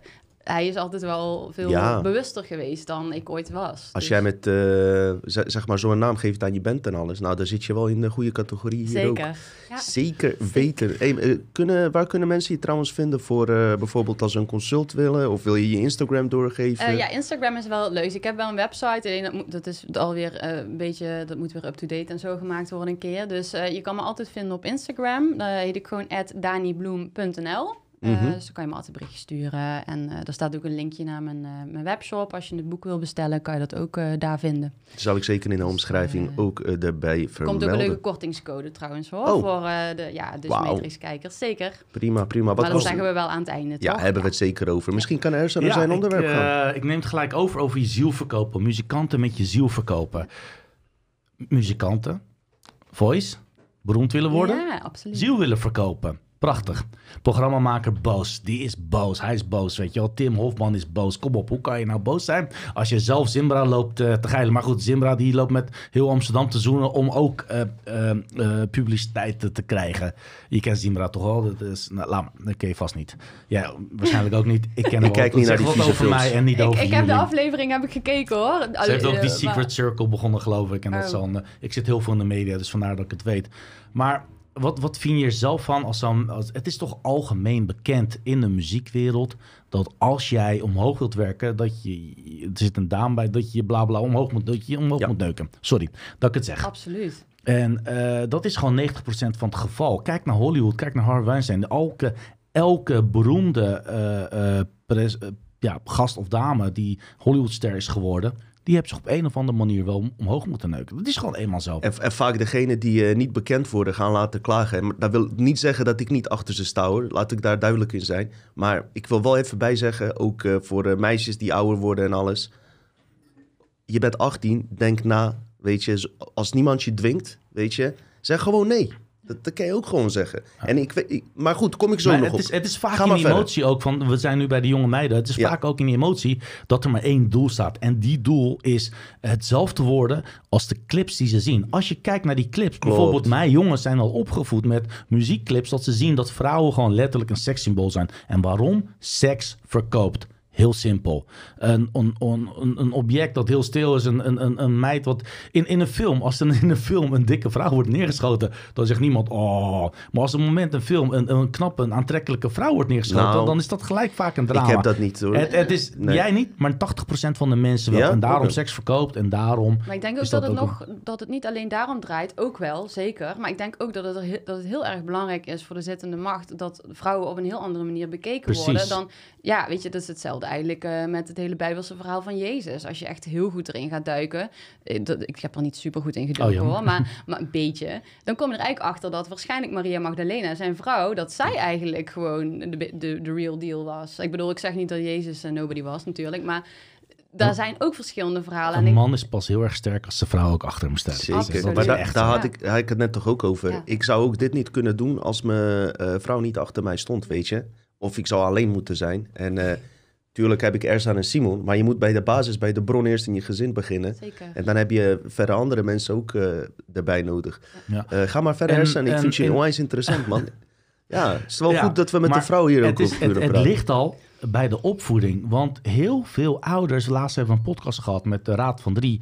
eh, dat Simon die vertelde van hoeveel ouders hun kleine kinderen niet eh, op Netflix gingen aanmelden om hun kont te laten schudden in, een- in een naki. Huh? eh, om, om mee te doen aan een film. Ja, dit is echt gebeurd. Dan moet je die podcast maar een keer ja, terugkijken. ik, heb, ze- ik, heb hem, ik Oh. kijk ze allemaal, maar ik kan me het even niet herinneren. Maar goed, dat kan natuurlijk. Dat geeft niet, maar dat, weet je, het, het ligt al bij die opvoeding. En ik was gisteren toevallig eh, bij een buurman buurvrouw en, en, en de dochter is 18 geworden. En die meid die zit nog gezellig op de bank, weet je. En dan zie je een heel... eh, en dan rij ik, eh, dan fiets ik ook, want ik, ik heb gisteren ook gefietst toevallig. En dan fiets ik ook nog eens eh, door, de, ehm, eh, door, de, door de stad heen. En dan zag ik twee van die jongere meiden, die echt al 14 of, of misschien jonger zijn, of max 15, in een groep, met een groep, ja, wel wat allochtoonse jongens rondhangen in de stad. En dan staan ze zo helemaal bij. En denk bij mezelf, dat is ook een stuk. En dan allemaal nep haar lang, helemaal opgemaakt. En het is wel een stukje opvoeding wat je geeft. En 80% en 90% van Nederland is dan boos. Die programma's 7,5 miljoen keer gekeken. Niet omdat die meiden eh, zijn misbruikt, maar meer omdat ze willen zien hoe Ali leidt, hoe Marco Bussato leidt. Goed, Marco, Ja. weet je blij met je poten van een jong meisje. Ja, dat is zo ja, dat is verschrikkelijk. Kom op, erger. Dat onder- zijn echt kinderen. onder Dat zijn echt kindjes. Dat zeg ik dan ook. Als, Ja. als dat zo is, weet je wel. Als dat, als dat zo is, moet ik dan zeggen. Ja. Maar de goed, er zijn heel veel vermoedens al dat dat wel zo is. En dan Mhm. denk ik bij mezelf van... Er zijn meerdere aspecten. Eén, seks blijft verkopen. Want vijf jaar geleden hebben we de MeToo gehad. Wat heeft MeToo geleiden? Dan alleen maar meer commercie. Meer verkoop, dat is commercie. Meer aandacht voor bepaalde personen. En wat is er gebeurd? Vijf jaar later gebeurt het gewoon precies weer. En over vijf jaar kan ik jullie vertellen, gaat het weer gebeuren. Want het is gewoon een commercieel plaatje. De mannen moeten ook gewoon ontvrecht worden. Dat is het hele ding. En dat is een van de grote problemen Ja. die ik zie. Want Ja. na dat hele MeToo-verhaal... Ik bedoel, je kan niet eens eens meer daar een keer over praten... van dat het misschien... Hè, dat, dat er ook misschien bepaalde dingen anders zijn gegaan. Mannen durven helemaal niks meer ook vaak. Hè? Ze, ze worden gewoon helemaal van, van eigenlijk uit hun kracht geslagen. Mhm. Terwijl dat is eigenlijk wat je nodig hebt. Weet je, je hebt natuurlijk... Vrouwen moeten ook wel fierce zijn. Maar vrouwen zijn voornamelijk zacht. En mannen, die hebben kracht. En samen is dat natuurlijk gewoon Onverslaanbaar. onverslaanbaar. Dus Ja. als je alleen maar van die straks van die, van die mannen die gewoon niks meer durven te zeggen, dat zie je nu al, want de meeste Mhm. mensen die zich uitspreken in deze tijd zijn toch de vrouwen helaas. Ja. Nee. Ja, de meeste mannen hebben ook wel echt de opvoeding. Ik heb, ik heb ook al een tijdje, ben ook lange tijd wel vrijgezel geweest. En dan heb ik ook wel eens echt wel rondgetinderd. En dan eh, ook in de club bijvoorbeeld. En dan heb je wel heel vaak dat eh, meiden, ook wel op wel volwassen leeftijd, maar nog wel jong. En die hebben dan, eh, die weten het gevoel vaak niet hoe ze liefde moeten tonen. En voornamelijk ook omdat ze vaak misbruikt zijn. Dus hun manier van liefde tonen is door een stukje vaak intimiteit te geven. Ja. En als je niet een sterke man achter hebt, bijvoorbeeld die, eh, die lead-pianist van eh, The Voice, ik ben zijn naam even vergeten, misschien weet jij het nog. ja, Jeroen Rietberg. Jeroen Rietbergen. Eh, dat is hem. Als je daar dan gelijk, terwijl je een fantastisch vrouw hebt, zoals Linda de Mol, wat wil je dan nog meer? Denk dan bij, ja, mijn vriendin Nou, van de Nou, nou, fantastisch. Maar goed, laat maar gaan. eh, Fantastisch. Laat maar gaan, laat maar gaan. Ander onderwerp, maar laten we eh, stick to the point. Nee. Weet je, denk bij mezelf van, als je, als je dan zo zwak bent, wat heb jij dan zelf meegemaakt, denk ik dan? Want ik denk altijd verder, wat heb jij dan zelf meegemaakt om zo ver binnen de voice te komen, om zo ver binnen een programma te komen? Want waarschijnlijk hebt die Ali B en die Marco en die Jeroen van Rietbergen hebben zelf ook heel veel rare dingen meegemaakt. Wat heb ik gezegd, die ene podcast? en Live daar wil, ik, aflevering? daar wil ik dus terug. Ga maar even, herhaal maar. Eh, ik zei bij die afleveringen nog voor dit er was, dat ik die ene man uit Leiden kom waar Prins Bernhard over de vloer kwam. En die vertelde mij eh, dat zeg maar eh, ook John de Mol ook wel met jongens, ik zeg niet jonge jongens, maar dat er ook wel diensten werden bewezen aan hem. Kan ik dat bewijzen? En past het bij Dutch Matrix eigenlijk niet? Want het past eigenlijk niet bij dit Nee, programma dit hierover is- te hebben. Maar ik heb al vier jaar geleden over deze hele eh, eh, John de Mol secte gehoord, zeg maar. Als je diep gaat graven, kom je altijd bij Ja, maar dit is een- En, en wat ik alleen bij wil zeggen, eh, eh, ik heb hem gezien toen hij het kwam aanschuiven. Je zag gewoon een Godfather John de Mol veranderen in een, eh, in een eh, bijna een zwerver die met een plastic bekertje daar aan het drinken was. En wat, Daar was ik vooral op het aan het letten. Zijn gezichtsuitdrukking. Kijk, ik kan je vertellen, ik denk dat hij gewoon zwaar uit zijn nek staat te, te lullen daar. Hij weet donders goed wat daar aan de hand is. Hoe kan ik het weten? Hoe kan ik het weten en hij niet? Dat was dus mijn punt ook. Van waarom doet hij zo? Waarom gaat de camera focussen op zijn trillende hand? Is hij boos? Is hij bang? Man. Of, eh, Ze willen medelijden, een soort van medelijden het is, creëren, het is ik. een van de slimste mensen van Nederland. Het is een van Ja. de meest rijkste mensen, meest beïnvloedbare mensen. Denk je nou echt dat hij niet gewoon kan zeggen wat? Maar het, uiteindelijk is media alsnog weer natuurlijk de belangrijkste van allemaal. Het wordt op tv getoond, dit hele Ja. ding. En dan denk ik al, ja, dan moet je al twijfelen aan, eh, aan Child hoe authentiek het Dit- is. Ja, en Ja. Heb je, eh, wat ik heb gemerkt, ik heb eh, wel even een paar keer naar gekeken op ehm, Nederland 2, dacht ik dat ze waren. En dan zitten er mensen die eigenlijk voor John de Mol werken, maar die hem zogenaamd gaan afkraken. Ja. Ja, En wat ze dan doen, ze beginnen eerst de 10 seconden met John de Mol helemaal afkraken. Om iets wat relatief niet zo erg is, dat hij zei vrouwen moeten hun bek open trekken. Ze maken er heel ding van, maar op zich was dat niet heel erg om nog grotere dingen te verschuilen. Dus dan zeggen ze, ja, John de Mol, jouw vrouwen hebben zelf eh, die artikel geplaatst. Allemaal om te laten denken van, kijk, intern wordt er echt wat aan gedaan. Ja, ja. En intern kreeg John de Mol klappen van die vrouwen om dat idee te krijgen. Maar als je gaat verder luisteren, zeggen ze... Nee, maar dit is een maatschappelijk probleem. Dus ze proberen dit probleem naar een maatschappelijk probleem te sturen... en niet te focussen op Voice zelf. Maar het feit is wel dat het bij Voice voor 80, 90 procent gebeurt... en niet bij andere programma's.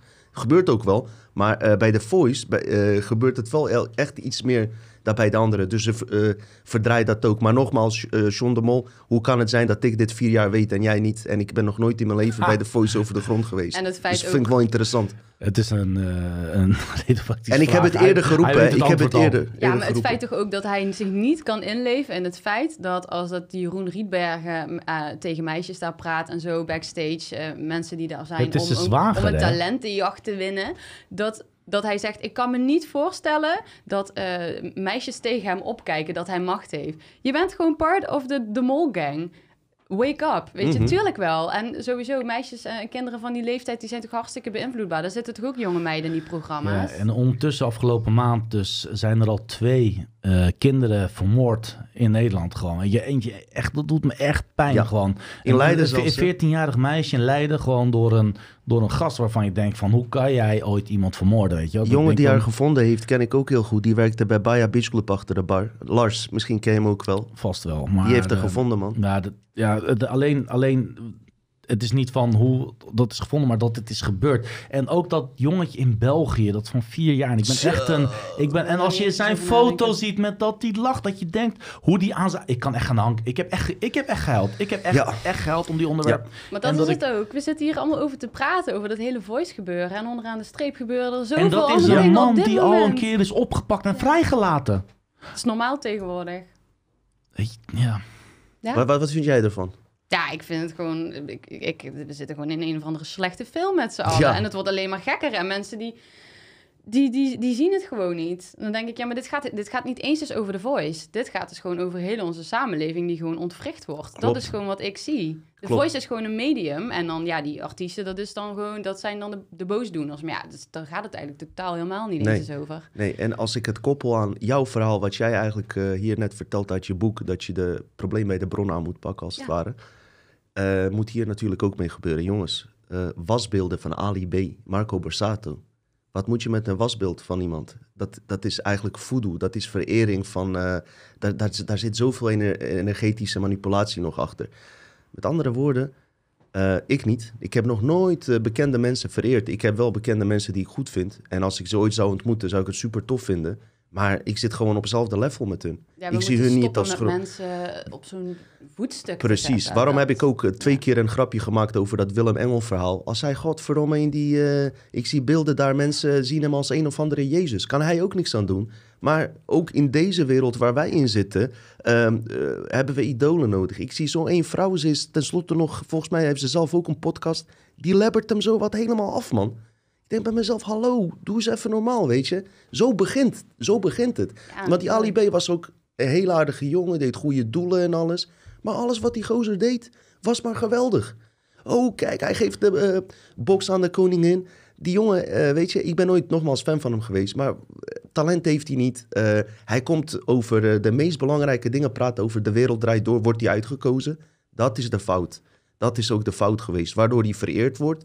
Naarmate de tijd verstrijkt, kreeg hij macht En ga je daar misbruik Ja. van maken als je niet maar die bent. programma's willen het samenleving reflecte- reflecteren. Dus wat is er? Er is een klein gedeelte van allochtonen in. Dus dan, dan komt er een klein gedeelte allochtonen Ze in moesten een Marokkaan hebben door die 9-11. Precies. Dat was En dan- politiek spel. Het, Ja, dat het- is het duidelijk. het is echt Ja. zo. Nee, ja, ik, ja, Eh, Vrienden van mij zijn binnen geweest. Die zeggen, en uh, moesten optreden in Amsterdam. Toen kwamen ze al van, ja, we hebben ook nog een Turkse band nodig. Ja. En toen, eh, oh, dan mogen jullie. Niet omdat ze goed zijn, niet. En toen... toen Ja, maar dan en, mag je tegenwoordig ook niet zeggen, En Bluff zat erbij en Ja. Argen. En toen hoorde ik hun nog zeggen, oh, nou leuk, we krijgen nog een erbij. Helaas zijn die jongens niet doorgegroeid. Mij als manager waren ze wel doorgegroeid. Daar niet van, zeg ik. Maar goed, dat is een ander onderwerp. Maar eh, het was echt, ze hebben heel 40.000 of 10.000 man echt laten swingen. Maar goed, als je niet je connecties hebt, als je niet, laat, eh, als je niet eh, John de Mol blijkbaar gaat pijpen, dan, dan kom je ook niet omhoog. Ik zeg je ook, het is gewoon Sorry de cultuur. zo- zo'n dat- jij taalgebruik Ik, denk Sorry, dat. Ali, eh, eh, wat, wat hij heeft gedaan, weten we allemaal niet. Maar hij is zo geworden omdat die cultuur daar zo is. Hij heeft het gewoon nageaapt. En ze, eh, ze, ze mogen wel echt zeggen van... eh, moet je nou wel echt alle focus op die jongen zetten, weet je. Nee, maar allemaal hè. Want ik, ik ben van de week ook gewoon super hard geblokt van eh Anouk haar account. Want ik had een filmpje, zeg maar, ze had toch dat die, ik weet niet of je het hebt gezien op Instagram, ja, corrupt is toch dat filmpje geüpload van ja, en ik distancieer me hiervan en ik neem ontslag. en iedereen, oh wat misselijk goed, van haar, en echt. ik love you, love you. En toen eh, kwam ik via een vriendin ook bij een filmpje uit waar dat zij zo'n college tour doet. Dus dan is ze echt dus jonge kinderen die dus eh, bekend willen worden, artiest willen worden, gaat zij dan een beetje haar verhaal vertellen hoe zij bekend is geworden. En dan zegt ze gewoon letterlijk, er moet geneukt worden. Er moet gewoon geneukt worden. En ben vooral niet authentiek. Dat zegt ze dus tegen kinderen. Hè? Ben vooral niet authentiek, want als je denkt dat je er zo gaat komen met authentiek zijn, nou dan, sorry, dan moet ik je echt uit je droom helpen. Dus ik had dat heel netjes eronder gezet van, nou jongens, voordat jullie allemaal, eh, hè, weet je wel, gaan zeggen dat zij nu eh, eh, heel meelevend is. Misschien moet je even hier naar kijken en dan nog een keer kijken wat je daarvan vindt. Ik ben gewoon keihard geblokt. En dan denk ik, als ik hier onzin eh onder zet, dan hoef je mij toch ook niet te vrezen. Dan kan je dat er toch gewoon onder laten staan. Of als ik haar uitscheld, snap ik dat je mij gaat blokken. Ja, nou, Anouk, als je kijkt, dan wil ik wel een antwoord. Ja. Ja, dat maar is het is, raar. het is ook wat ik even wil terugkomen. Een visuele cirkel bijvoorbeeld, jij hebt wel eens gehad over psychopaten. Waarom in Hollywood zelf mensen psychopatisch worden, is omdat ze zelf misbruikt zijn. Met- om om een, op een punt te komen waar ze zijn. Ja. En dat blijven mensen in. En soms doe je dat ook doordat je eh, het zelf hebt meegemaakt. Dus als jij dan bij die jongere gastjes hebt en wat dan ook, en, en dames en wat dan ook, dan- ben, je, dan ben je dus ook zelf in staat om dat blijkbaar te doen. Ja. Mensen die eh, mensen vermoorden is ook omdat ze zelf vaak zijn mishandeld of een slechte jeugd hebben gehad. En het is gewoon geen goede basis. En het is voor iedereen belangrijk, als, of vooral als ouder. En als je een kind bent je geen goede ouders hebt, weet je wel, om zelf dan voor kunnen openstaan. Maar dat is ook heel lastig. Dus dit is een onderwerp dat nog voor jaren gaat komen. En anders Ja. gaan we een soort samenleving krijgen, net zoals een, een film ehm, Demolition Man. Iedere keer als je scheldt dat je een, eh, een automatisch eh, een bonnetje krijgt. Maar dan kreeg je dus ook als je een meisje op straat wil eh, versieren op een Ja, ouderwetse precies. wijze, wat gewoon op, op zich zou kunnen, op een normale wijze, word je dus wel dan, eh, kreeg je ook een boete. Ja, ik- Jongen kreeg een boete omdat hij naar een meisje fluit, kreeg 300 euro boete in Rotterdam. Vind ik ook nergens op slaan. Nou, ik vind pas erg als ze niet meer fluiten. Precies, daar, Dan je weet kan, ik dat je- Maar dit is precies wat je zegt. Dat is als, ik, als ik naar een meisje fluit, zegt ze donder op flikker, weet je wel. Maar als nee. Dino fluit, dan Nee. zegt ze hoi. nee, niet Nou, Oh, nee, ik waar. alleen toch Nee, nee, leuk? nee. Ja. Ik, eh, ik, ik fluit sowieso niet. Eh, nee. Ja, Maar dat is dus ook niet oké, toch? Dat komt door dat hele MeToo gebeuren. Je durft dan niet eens meer eens te fluiten. Ik bedoel, ik vind dat een compliment. Ja, misschien Ja. heeft het dan met mij te maken dat Ik, ik, dan... ik blijf een licht flirter hoor, sorry, het spijt me. Ik weet niet Ja. of je het door hebt, maar nee. Nee, maar ik bedoel, dat moet toch ook gewoon kunnen? Ik bedoel, dat is Ja, toch normaal, eh, normaal, toch Eh, leuk? eh, het zou, het zou moeten kunnen, het zou niet eh, strafbaar mogen zijn. Eh, bouwvakkers deden het vroeger ook. En eh, nou goed, weet je. Maar door dit soort dingen castreer je mannen dus ook, weet je. Dat aan de ene kant. Eh, wat denken jullie? Even een vraag aan jullie beiden. Mag jij als eerste antwoorden? Ik, ik dacht misschien, eh, je hebt toch nu die Great Reset. En eh, ze willen sowieso veranderingen, weet je. Ook in ons gedrag en alles. Zou die hele media misschien bewust zo door die hogere krachten kapot willen... dat ze ze kapot willen maken om gewoon nieuwe mensen in die media te plaatsen. Om ons een nieuwe indoctrinatievorm aan Nou, te dat je bieden. dadelijk alleen maar transgenders en zo naar voren geschoven maar krijgt, niet, niet, ja, niet per se alleen dat, maar dat we nu gewoon in een eh, nieuwe tijd zitten die zij voor ons eh, hebben gepland. Dus er zit ook een nieuwe mind control achter. En dat ze ons willen laten denken, weet je, we gaan al die oude corrupte mensen halen we eruit. Mhm. Komt er een nieuwe stroom, eigenlijk wat ook onder hun bewind staat. Ja, of gewoon robotten. Ja. Dat kan natuurlijk ook. Klonen. Ja. ja. Of, of eigenlijk eh, moeten wij, eh, zeg maar, eh, mensen die hiermee bezig zijn, een soort van die hele media in beslag gaan nemen of zo. Weet het niet. Ja, nou dat gebeurt toch al. Ik weet niet. eh, volgens mij zijn jouw kijkcijfers inmiddels hoger dan die van echt heel late night. Want, Nou, dat- nou, nee, nou, maar nou, dat, nou, ik bedoel, nou, het is toch wel echt aan het kelderen, jongens. Mensen die je neemt toch niet meer serieus wat er allemaal gebeurt. Zijn constant dezelfde gasten. Ja. Iedere keer als je het opzet, en niet dat ik dat ooit doe, maar ik ben wel eens bij mijn moeder. En dan denk ik, oh, zitten die er alweer? Ze kunnen nooit iemand anders uitnodigen. Het zijn altijd dezelfde veilige mensen. En plus, alles wordt natuurlijk ook gewoon gescript. Ja, Dus eh, dus ze hebben een hele team achter. Zo'n aflevering kost eh 50.000 euro om te maken. Nou, je hebt gezien hoe ik net doe. eh, we doen alles zelf. Ersan heb Ja, ik hier eh, die mij helpt en alles. Dus, eh, Ja. hey, als je, hoe kwam je eigenlijk bij Dutch Matrix? Vertel dat eens. nou, ehm, ik... eh, Antwoord op de vraag. Oké, ja. Wat- Die had je al gesteld. Oké, ja, ja, ja. Ik heb haar net... Ja, ja, ja. ja Oh, oh, wil jij ja, nog- Ja, precies. Oh, sorry, sorry. Excuses. Hou die vast. Ik zeg heel kort. Hoe ik denk jij er? Dus mijn vraag was, Ja. denk je dat het heeft te maken met die eh, eh, Great Reset, dat ook de media gereset Ja, wordt? precies. Kijk, media is eh, bedoeld om de wereld te beïnvloeden en om een weg te laten gaan. Dus Hollywood is, een, is een middel om mensen te beïnvloeden. Media is een be- een beïnvloeding. Als ze soms mensen eigenwijs willen worden, dan kunnen ze ook mensen op dit moment op een bepaalde manier wegwerken.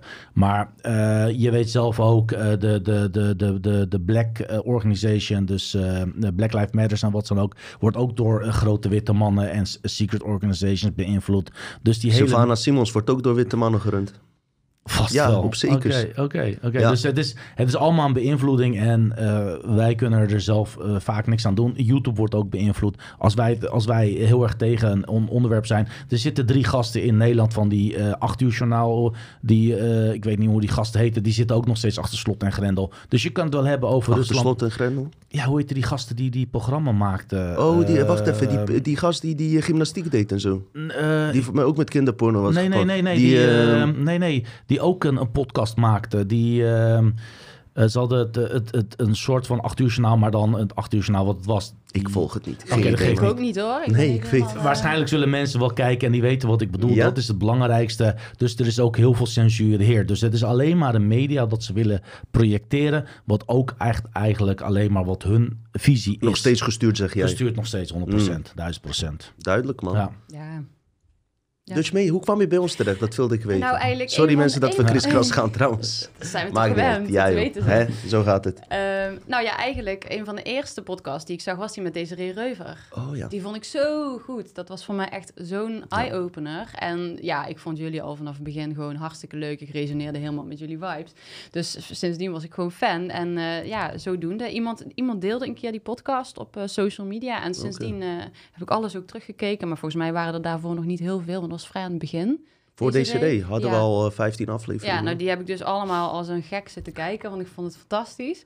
En eh, sindsdien gewoon trouwen kijken. De onderwerpen die voorbij kwamen, ook dat hart, eh, weet je wel, de kracht van het hart en zo. Dat zijn toch wel allemaal dingen dat ik denk, ja, het is geweldig dat je dat Mooi, allemaal toen al mooi. bracht. Ik ben er wel altijd wel benieuwd hoe mensen daarbij komen. Ja, vaak Ja. door het delen en zo. En we hebben echt verschillende type eh, mensen die hier komen. Dus eh, er is wel iets wat ons bindt allemaal, zeg Ja. maar. Ondanks dat we er anders uitzien, man, vrouw, hè, eh, buitenlands, eh, Nederlands. Er is toch iets eh, in deze groep, ontwaakte groep, wat, wat gewoon niet te verklaren is volgens een algoritme logica, zeg Mm, maar. mm. Je, je kan ons nooit, hoe moet je dat zeggen? We zijn unpredict, niet te voorspellen. Ja. Je kan het en- en- uiterlijk niet zien ook. Nee, en heel is. toegankelijk ook. Want jullie komen soms echt met onderwerpen en dan denk ik echt... Wauw, ik heb hier zoveel van geleerd en het is zo low-key overgebracht. En het is eigenlijk gewoon insane materie waar dit over gaat. Mhm, Eh, ik mhm. bedoel, ja, MK Ultra en zo, dat soort dingetjes, daar had ik nog nooit van gehoord voordat ik deze podcast ging Ja. kijken. Dus het heeft mij ook super erg geholpen in mijn proces om, Ja. om eh, daarna te kijken. En vanuit daar ga je natuurlijk weer die kant op en die kant. En dan ben Ja. ik ook weer Martijn van Staveren helemaal in. Oh, heb je dat ook Ja, Ja, dat zeker. is echt een aanrader, Geweldig, geweldig. Dus, ehm, en dan zie je ook dat eigenlijk alles bij elkaar komt. Ja. Als dat je echt eh, ook in het spirituele stukje gaat verdiepen, dan kom je natuurlijk ook weer bij familie, boom, trauma. Mm. Dat zit, staat ook allemaal in Ja. mijn boek. Ik heb eigenlijk alles geprobeerd te comprimeren. En dat is denk ik wel leuk, want het gaat natuurlijk over Bachbloesem en over de energie en over al die dingen. Maar het gaat, ik denk, als dat je nu wakker wordt met een klap, want dat, dat, er zijn nog steeds dagelijks mensen die ontwaken, zeg maar, voor alles wat hier nu gebeurt. Dan is dit ook wel een hele fijne manier om zeg maar, erin te komen. Want het is niet zo leuk als je op dezelfde manier erin knalt als ik. Dat is gewoon niet zo gezond voor je. Dus dan is dit ook leuk. En dan kan je ook direct gewoon met oefeningen daarmee aan de slag. Dat is veel comfortabeler, denk ik ook. Ben jij ook een persoon die echt ook eh, geobsedeerd op een gegeven moment wordt als Ja. die iets nieuws ontdekt? Dat heb ik ook namelijk. Ja. Ja. Ja. nou, dat is dus ook heel leuk. Want ik dacht, oh, daar gaat Dino zeker over beginnen. Maar dat heeft hij nog niet gedaan. Nou, Over eh, het OM. OM? Ja, je zover ben je niet gekomen. Ja, eerste twintig heb ik Ja, gelezen, zeg dus je. Ik weet niet of jullie dat kennen. Met die Dat is het- kruisen heb ik iets Eh, gezien. het OM, dat is eigenlijk een oude Keltische bomentaal. Want Mm. dat is dus heel grappig. Ik weet niet of we nog een, een beetje tijd hebben. Oh, zeker. Ja. Je, je, mag, je mag praten en Want dat is dus heel leuk, want dat was het hele Stef van Bremen verhaal. Wat eigenlijk gewoon heel gaaf is. Want ik was toen al dit boek aan het schrijven. Nou, toen zag ik die podcast met Stef, wat Mm. over water ging. Nou, ik was zelf daar ook al over aan het schrijven. Dus ik dacht, nou, wat ontzettend vet dat ik nu iemand Toevallig. die scheikundig zelfs onderlegd is, dus eh, daarover hoor praten. En eh, toen dacht ik, nou, dan moet ik eigenlijk contact mee zoeken met die jongen, want dat lijkt me toch wel geweldig. Nou, uiteindelijk natuurlijk super onvindbaar. Via, Telegram Oh. groep. ik had per ongeluk zijn naam ook. Ik dacht dat hij anders heette, man. Ik had zijn naam ook anders eh, erop gezet. Goed, Oh. hij was lastig te vinden, maar via Telegram Ja, groep. nou, dus ik nog, dus hem eh, zoeken, zoeken, zoeken. Lukte niet. Toen zag ik hem even later, zag ik hem weer bij eh, Sven Hulleman. Oh, ja. En toen dacht ik, ja, kom op. En toen resoneerde dat weer zo wat hij allemaal zei. Toen dacht ik, ja, ik, ik moet gewoon hem vinden. Nou, Ja. dat weer niet gelukt. Uiteindelijk moest ik iemand een appje sturen op Telegram. Dus ik kijk door mijn telefoon en ik zie een keer zijn gezicht staan in, in mijn chats. Oh, Ik denk, huh? Had hij mij dus blijkbaar al echt twee maanden van tevoren een berichtje gestuurd, een vraag eh, over iets, want hij zit natuurlijk ook in die Ja. Dutch Matrix eh, app en hij had mij dan denk ik gezien. En daar had ik op geantwoord toen, dat was echt zoiets onbenulligs. En, maar, en toen heb ik dat laten rusten. Dus ik was gewoon al twee maanden contact of zo met hem aan het Bizar. zoeken. Ik kon hem niet vinden, maar hij stond al twee maanden in mijn telefoon. Dus toen waren wij met elkaar in gesprek geraakt. En eh, toen vertelde ik hem dus ook van, nou, ik ben... eh, oh, Nee, nee, ik laat dat zien. eerst Ga maar door, ga maar door. Eh, toen eh, eh, vertelde ik hem ook van, nou, ik doe. Eh, dat gaat over water natuurlijk, want dat is een basis van een remedie. Maar ook planten. Dus om dat te begrijpen, wat, wat de inhoud daarvan is, moet je eigenlijk ook meer over planten te weten komen. Wat zijn nou planten? Wat doen planten? Wat kunnen ze? Eh, en toen zei hij dus tegen mij van, ken je het oom? Dus ik dacht, oom, daar heb ik nog nooit van gehoord. En toen ben ik dat gaan onderzoeken. En dat is dus eigenlijk een, eh een plantenalfabet. Dat is door de oude Kelten, dus dan moet je denken aan de druïden. Nou, dat is sowieso al een heel geweldig mystiek verhaal. eh, daar kan je natuurlijk volledig induiken. Ehm die hadden al een twintigtal ja, bomen, ja, die gebruikten zij om letterlijk mee te schrijven. Dus aan elke boom was een andere letter. Eh, en daarin hing ook een, een kleur, maar ook bepaalde emotionele toestanden. Dus ik kreeg helemaal kortsluiting. Ik denk, wat is dit? Volgens mij zit ik op een spoor. Want de oude Kelten, nou ja, dat is echt zo de vijfde eeuw of zo, eh, moet ik even liegen. En dan heb je natuurlijk Bach, eh, Dr. Edward Bach, die eigenlijk van, van Big Pharma, want daar kan je ook nog een heel verhaal over vertellen, naar de homeopathische manier is gegaan. Eh, want hij was bijvoorbeeld ook echt vooruitstrevend eh, met, met vaccinaties. Dus dat is ook wel heel apart. En hij koos er uiteindelijk voor, nee, er moet, er moet een plantenmanier zijn, een, een natuurlijke manier zijn om mensen op dezelfde manier te helpen, zonder dat ze daar oncomfortabel van worden. Dus ik dacht, hé, hey, wacht eens even, dat deden die druïden al, al eeuwen. Dus misschien heeft hij gewoon dat overnieuw uitgevonden. Want eigenlijk de, basis van de Kelten, van de druïden, echt van, van dat oom... dat vind je in Kerry in Ierland. Eh, en zeg maar ja, rond Engeland, zeg maar, dat, eh, die regionen. En daar komt Dr. Edward Bach ook vandaan. mm. Dus ik was mind blown. Dus daar ben ik nu helemaal in aan het duiken. Dat ik die twee dingen kan gaan combineren. Dus dan kom je toch eigenlijk wel een beetje in het stukje magie en mystiek en eh, symbolisme van, eh, van planten en bomen. En dat is natuurlijk nog een stap verder dan eh Bach Bloesem. En wat je ook vertelt, heeft ook toegevoegde waarde voor onze podcast. Want wij hebben nooit aandacht aan eh de druïden en eh, Kelten gegeven. Waren zij niet een soort vikingachtige figuren uit ja, dat Noorwegen? is wat ze je willen laten geloven. Maar dat is het niet? Nou, nee. Nou ja, de Kelten. Ik bedoel, de Kelten. En eh, dat, dat is natuurlijk heel Europa en zo. eh, Ik vind die muziek in, eh, prachtig. ja. Ik heb hem zelfs twee keer bij op Dutch Matrix bij Ja. Outro Keltisch muziek gedraaid. Ik, ik eh, raakt mij wel. Nou, ik ben dus helemaal fan van het lied eh, La Tribu de Dana. Ik weet Oh. niet of je die kent. Is ook een Mm, Franse meer. Frans. Ja, Is, ook, is, is geweldig. Als je hem opzet, weet je het meteen. Ehm, maar uiteindelijk ben ik dus, want het is echt wel even leuk nog om te delen. Ik wilde er Zeker. bewijs van hebben. Want dat, dat ben ik dan weer, dan moet ik daar weer bewijs van. Ik wilde er bewijs van dat ik op het juiste spoor was. Dat Bach eigenlijk een soort van moderne druïde was. Ehm, en toen kwam ik dus bij een heel interessant Keltisch eh, mythologisch verhaal. Dat gaat over Miach. Ik weet ook echt niet of ik het goed uitspreek, waarschijnlijk niet. Was de zoon van Dian Zegt, van eh Tuata de Danan. Dat is ook het Dana-volk, dus waar dat liedje dus ook over gaat. En dat kwam dus ook een tijdje geleden in één keer tot mij, dat lied. Dat ik dacht, oh, dat vond ik vroeger altijd zo'n goede track, weet je wel. Nou, dat gaat dus over dat volk. Ehm, hij verving de zilveren arm die zijn vader creëerde voor Nuada, dat zal dan familie zijn geweest, met een arm van vlees en bloed. Dian was zo eh, jaloers dat hij zijn zoon vermoordde omdat hij dit niet kon. Hij sloeg vier keer in op zijn hoofd met zijn zwaard. De eerste keer verwondde hij alleen zijn huid en Miach hielde het. De tweede keer brak hij zijn schedel, maar Miach hielde het. De derde keer had hij zijn hersenen te pakken, maar Miach hielde het. De vierde keer halveerde zijn hersenen, waardoor hij stierf. Nou, dan komt de clue. Op zijn graf groeiden 365 kruiden eh, die zijn zuster verzamelde, maar Dian verspreidde ze. 365 kruiden, eh, dat zijn dus de dagen van een jaar. En de arm van Nuadu werd geheeld in 27 dagen, wat gelijk staat aan de, de maanmaanden eigenlijk. En dan zie je dus later in het stuk, alleen de wijsheid van de Heilige Geest weet dat de helende kracht van deze planten te herkennen. Geschreven door de druïden. Mm. Dus ik zie Dr. Edward Bach, want die was ook nog eens een keer ontzettend eh, filosofisch en Mhm. heel intuïtief onderlegd, dat hij dus een zuivere geest had en de kracht had om deze planten overnieuw te vinden. Duidelijk, joh. Dus ja, dat vond ik zoiets tofs. En toen dacht ik, ja, maar als dit echt zo is, dan was die man dus echt daadwerkelijk een genie. Heel intuïtief en had hij bij het rechte eind. Dus ja, daar ben ik nu helemaal in Ja, aan duiken. Ja. Merk je ook dat eh, tijdens het schrijven of in het algemeen onderzoeken... dat je gewoon vanzelf op informatie komt Ja. die je nodig hebt? Kijk, Ja. eh, ze zeiden vroeger toch, eh jaar geleden... dat komt door die automatische aanraden op YouTube.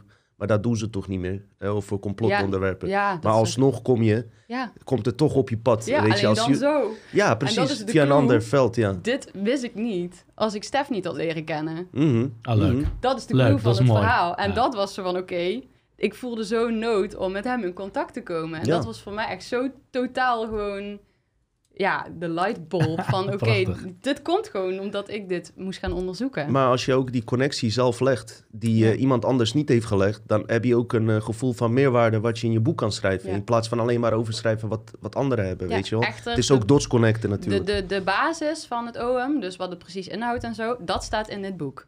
Het echte onderzoek daar heel diep op in, dat is nu pas eigenlijk echt goed gaande. Dus daarom wil ik daar echt een hele cursus mee gaan doen. Dus dat je, want er zijn natuurlijk steeds meer mensen die zich gaan eh, interesseren in de natuurgeneeskunde. Vooral omdat de farma ons Mhm. natuurlijk constant aan het oplichten is. Dus dat vertrouwen is een beetje kwijt aan het raken nu, Ja. denk ik inmiddels. Zeker. Eh, dus ja, en we zijn natuurlijk steeds met z'n allen wat meer spiritueler aan het worden ook. Om het even, weet je wat is dat, is een containerbegrip. Maar Voor ons wel. ja, eh, een beetje spiritueler aan het worden. Dus hoe vet is het als je en over Bach Bloesem kan leren, maar ook gelijk een stuk mystiek erachter, waardoor je nog meer daarmee resoneert. Zeker. Ja. Ik vind ook eh, dat je je goed hebt voorbereid. Oh, dank En eh, ik moest meteen aan Simon denken toen je je boekje erbij pakte. Ja, ik zou, ook- ik zou ook tegen Yves, tegen mijn vriend, ik zeg, oh, ik ga helemaal Simon eer aan doen. Ik ga er met mijn boekje bij Geweldig, zetten. Ja. geweldig.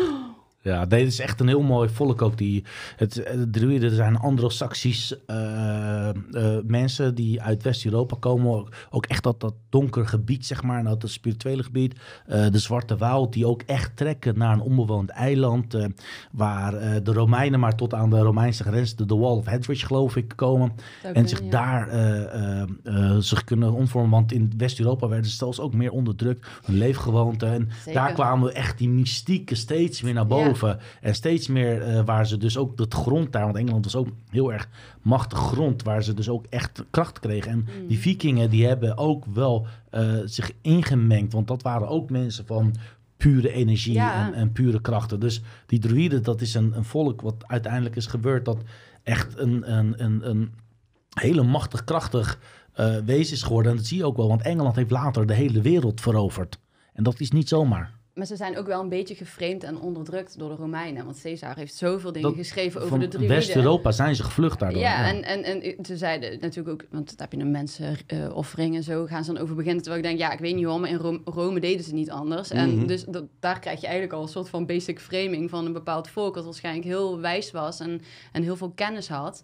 Eh, en ja, dat wordt dan gewoon helemaal Ja, kapot ze- gemaakt. ze- En er is ook bijna niks van bewaard gebleven. Hè? De Oham eh, is een van de weinige dingen die bewaard is gebleven van de Druiden. En dat is omdat eigenlijk kan je dat een beetje eh, vergelijken met de Vedische cultuur, met die Brahmanen, hè, die monniken die alleen door middel van eh, eh, poëzie en weet je wel, constant herhalen van allemaal teksten wat van, van de een op de andere gaat, die willen dat niet opschrijven, omdat het zo puur mogelijk overgedragen moet Je moet worden. ook die geluidstrilling daarbij mee ja, en dat was bij de Druiden exact hetzelfde. Die schreven ook niks op. Dus in die zin is het geweldig dat je eigenlijk ziet dat aan de andere kant van de wereld, in die Vedische cultuur, op dat moment hetzelfde gebeurde. Mm. Dus dat, ik, ik zie dat wel echt als de echte wijze, die nog de echte kracht en de, Oorspronkelijke- Waar, de oorspronkelijke krachten eh, hadden van hier op aarde. Maar ze hebben niks met Aster- Asterix en Obelix te maken? Dat is Frankrijk. Ja? Ja. Ja. maar dat waren ook wel de druiden inderdaad. Toch wel? Maar die zijn natuurlijk Ga- ook helemaal... Galetische, eh, ja, ja, dat klopt. is- je hebt twee, je hebt twee is- verschillende, ja. Er, er valt daar zeker een aflevering over te maken. Ja. Ook omdat ik volgens mij... Er zijn ook wel verwijzingen met eh buitenaards eh, oude bezoekers en hun. En Ja. die kennis die zou best wel door hun kunnen zijn doorgegeven. Met wat voor agenda weet ik even niet. Ja, dat weet ik niet. Dat- ze zeggen ook wel, want dat is ook wel wat ik er tegen ben gekomen in het onderzoek. Je hebt natuurlijk de elementen die heel erg eh, belangrijk zijn, ook in dat hele pagan en dat, dat eh, Mhm. witchcraft en zo. Maar dan krijgt het ook meteen wel zo'n negatieve lading. Ik weet Ja. niet. Ehm, dat in die tijd natuurlijk de sluier tussen de realms, die was veel dunner dan soort van de Mhm. gecontroleerde wereld waarin wij nu zitten. We konden Dus- meer zien. we konden meer zien. En eh, zij zagen ook echt water als een, als een portal tussen de verschillende realms. En daarom dat ook Mm. heel vaak wateroffers werden gedaan. En dat hoeft niet meteen iets naars te zijn, maar gewoon er werd heel veel met water. En Maar zijn er goede offers, denk je? Ja, daar kan je echt, daar ben ik ook wel ingedoken. Daar kan je ook echt heel veel over zeggen. En iedereen heeft natuurlijk een andere inslag. Maar tuurlijk werden er offers gedaan. Alleen er is geen bewijs van. Want eh, dat er in de Keltische cultuur. Misschien zeggen daar ook allemaal mensen, jawel, maar dat weet ik niet. Niet, niet in mijn Mhm. onderzoek. Er is geen bewijs dat er onschuldige mensen, als er mensenoffers gedaan werden, dat dat onschuldige mensen waren. En wat is dan onschuldig, kan je dan natuurlijk weer Ja. over hebben. Maar dat waren dan wel vaak eh, criminelen of die een moord hadden gepleegd Mm. of whatever. In ieder geval een soort van gevangenen. Die werden daarvoor. De- Maar goed, ik keur het niet goed. Ik bedoel, Nee. wie gaat Daarom- dit doen, da- weet je? Maar, en en er, is, er is ook niet echt bewijs van. Dus ik kan die claim wel maken, maar misschien was dat helemaal niet zo. En je kan ze niet allemaal onder, over, over één kam scheren. Misschien was het inderdaad net als christendom, islam, eh, van eh, misschien een, eh, een pure geloof die goede bedoelingen heeft, waar mensen intern weer misbruik van maken. De elite daarbinnen en zo. Dat Wat ik weet je wel niet. mooi Wie wilde vind- zijn zoon opofferen? Precies, snap je? Ja, en, En, sowieso dieren, so- sorry hoor, maar dieren opofferen vind ik eigenlijk ook zielig. ja, maar goed, tuurlijk, tuurlijk. Maar ik eet ze wel, dus dat is best wel... eh, ook, eh, ja. Je kan het ook zien als weer een soort van spiritueel ding. Ja, maar je Ja. zegt nu die Keltische, maar de Keltische, dat is dezelfde als die Al- Asterix en Obelix. En die hebben ook een aparte taal. En dat vind ik zo mysterieus mooi taal ook. Ja, En dat zijn die Ierse aftakkelingen. ja Maar die, die, dat- die, die- heb ik onderzocht. Oké, die Ja. heb jij dus ook Ja, onderzocht. ik, ja echt Oké. de Ierse, want, de, zeg Want maar, dat is een, twee ja, verschillen, hè? het, Dus, oom, het oom, dat is natuurlijk, dat werd gebruikt door de Ierse Kelten. Door de Kelten. Ja, en want de oorsprong ligt ook in Kerry. Dat is ook echt mega grappig, want daar woont mijn nicht. Ook echt zo super random. Maar, eh, en, en daar is de oorsprong van, dus, eh, van die bomentaal. Oké.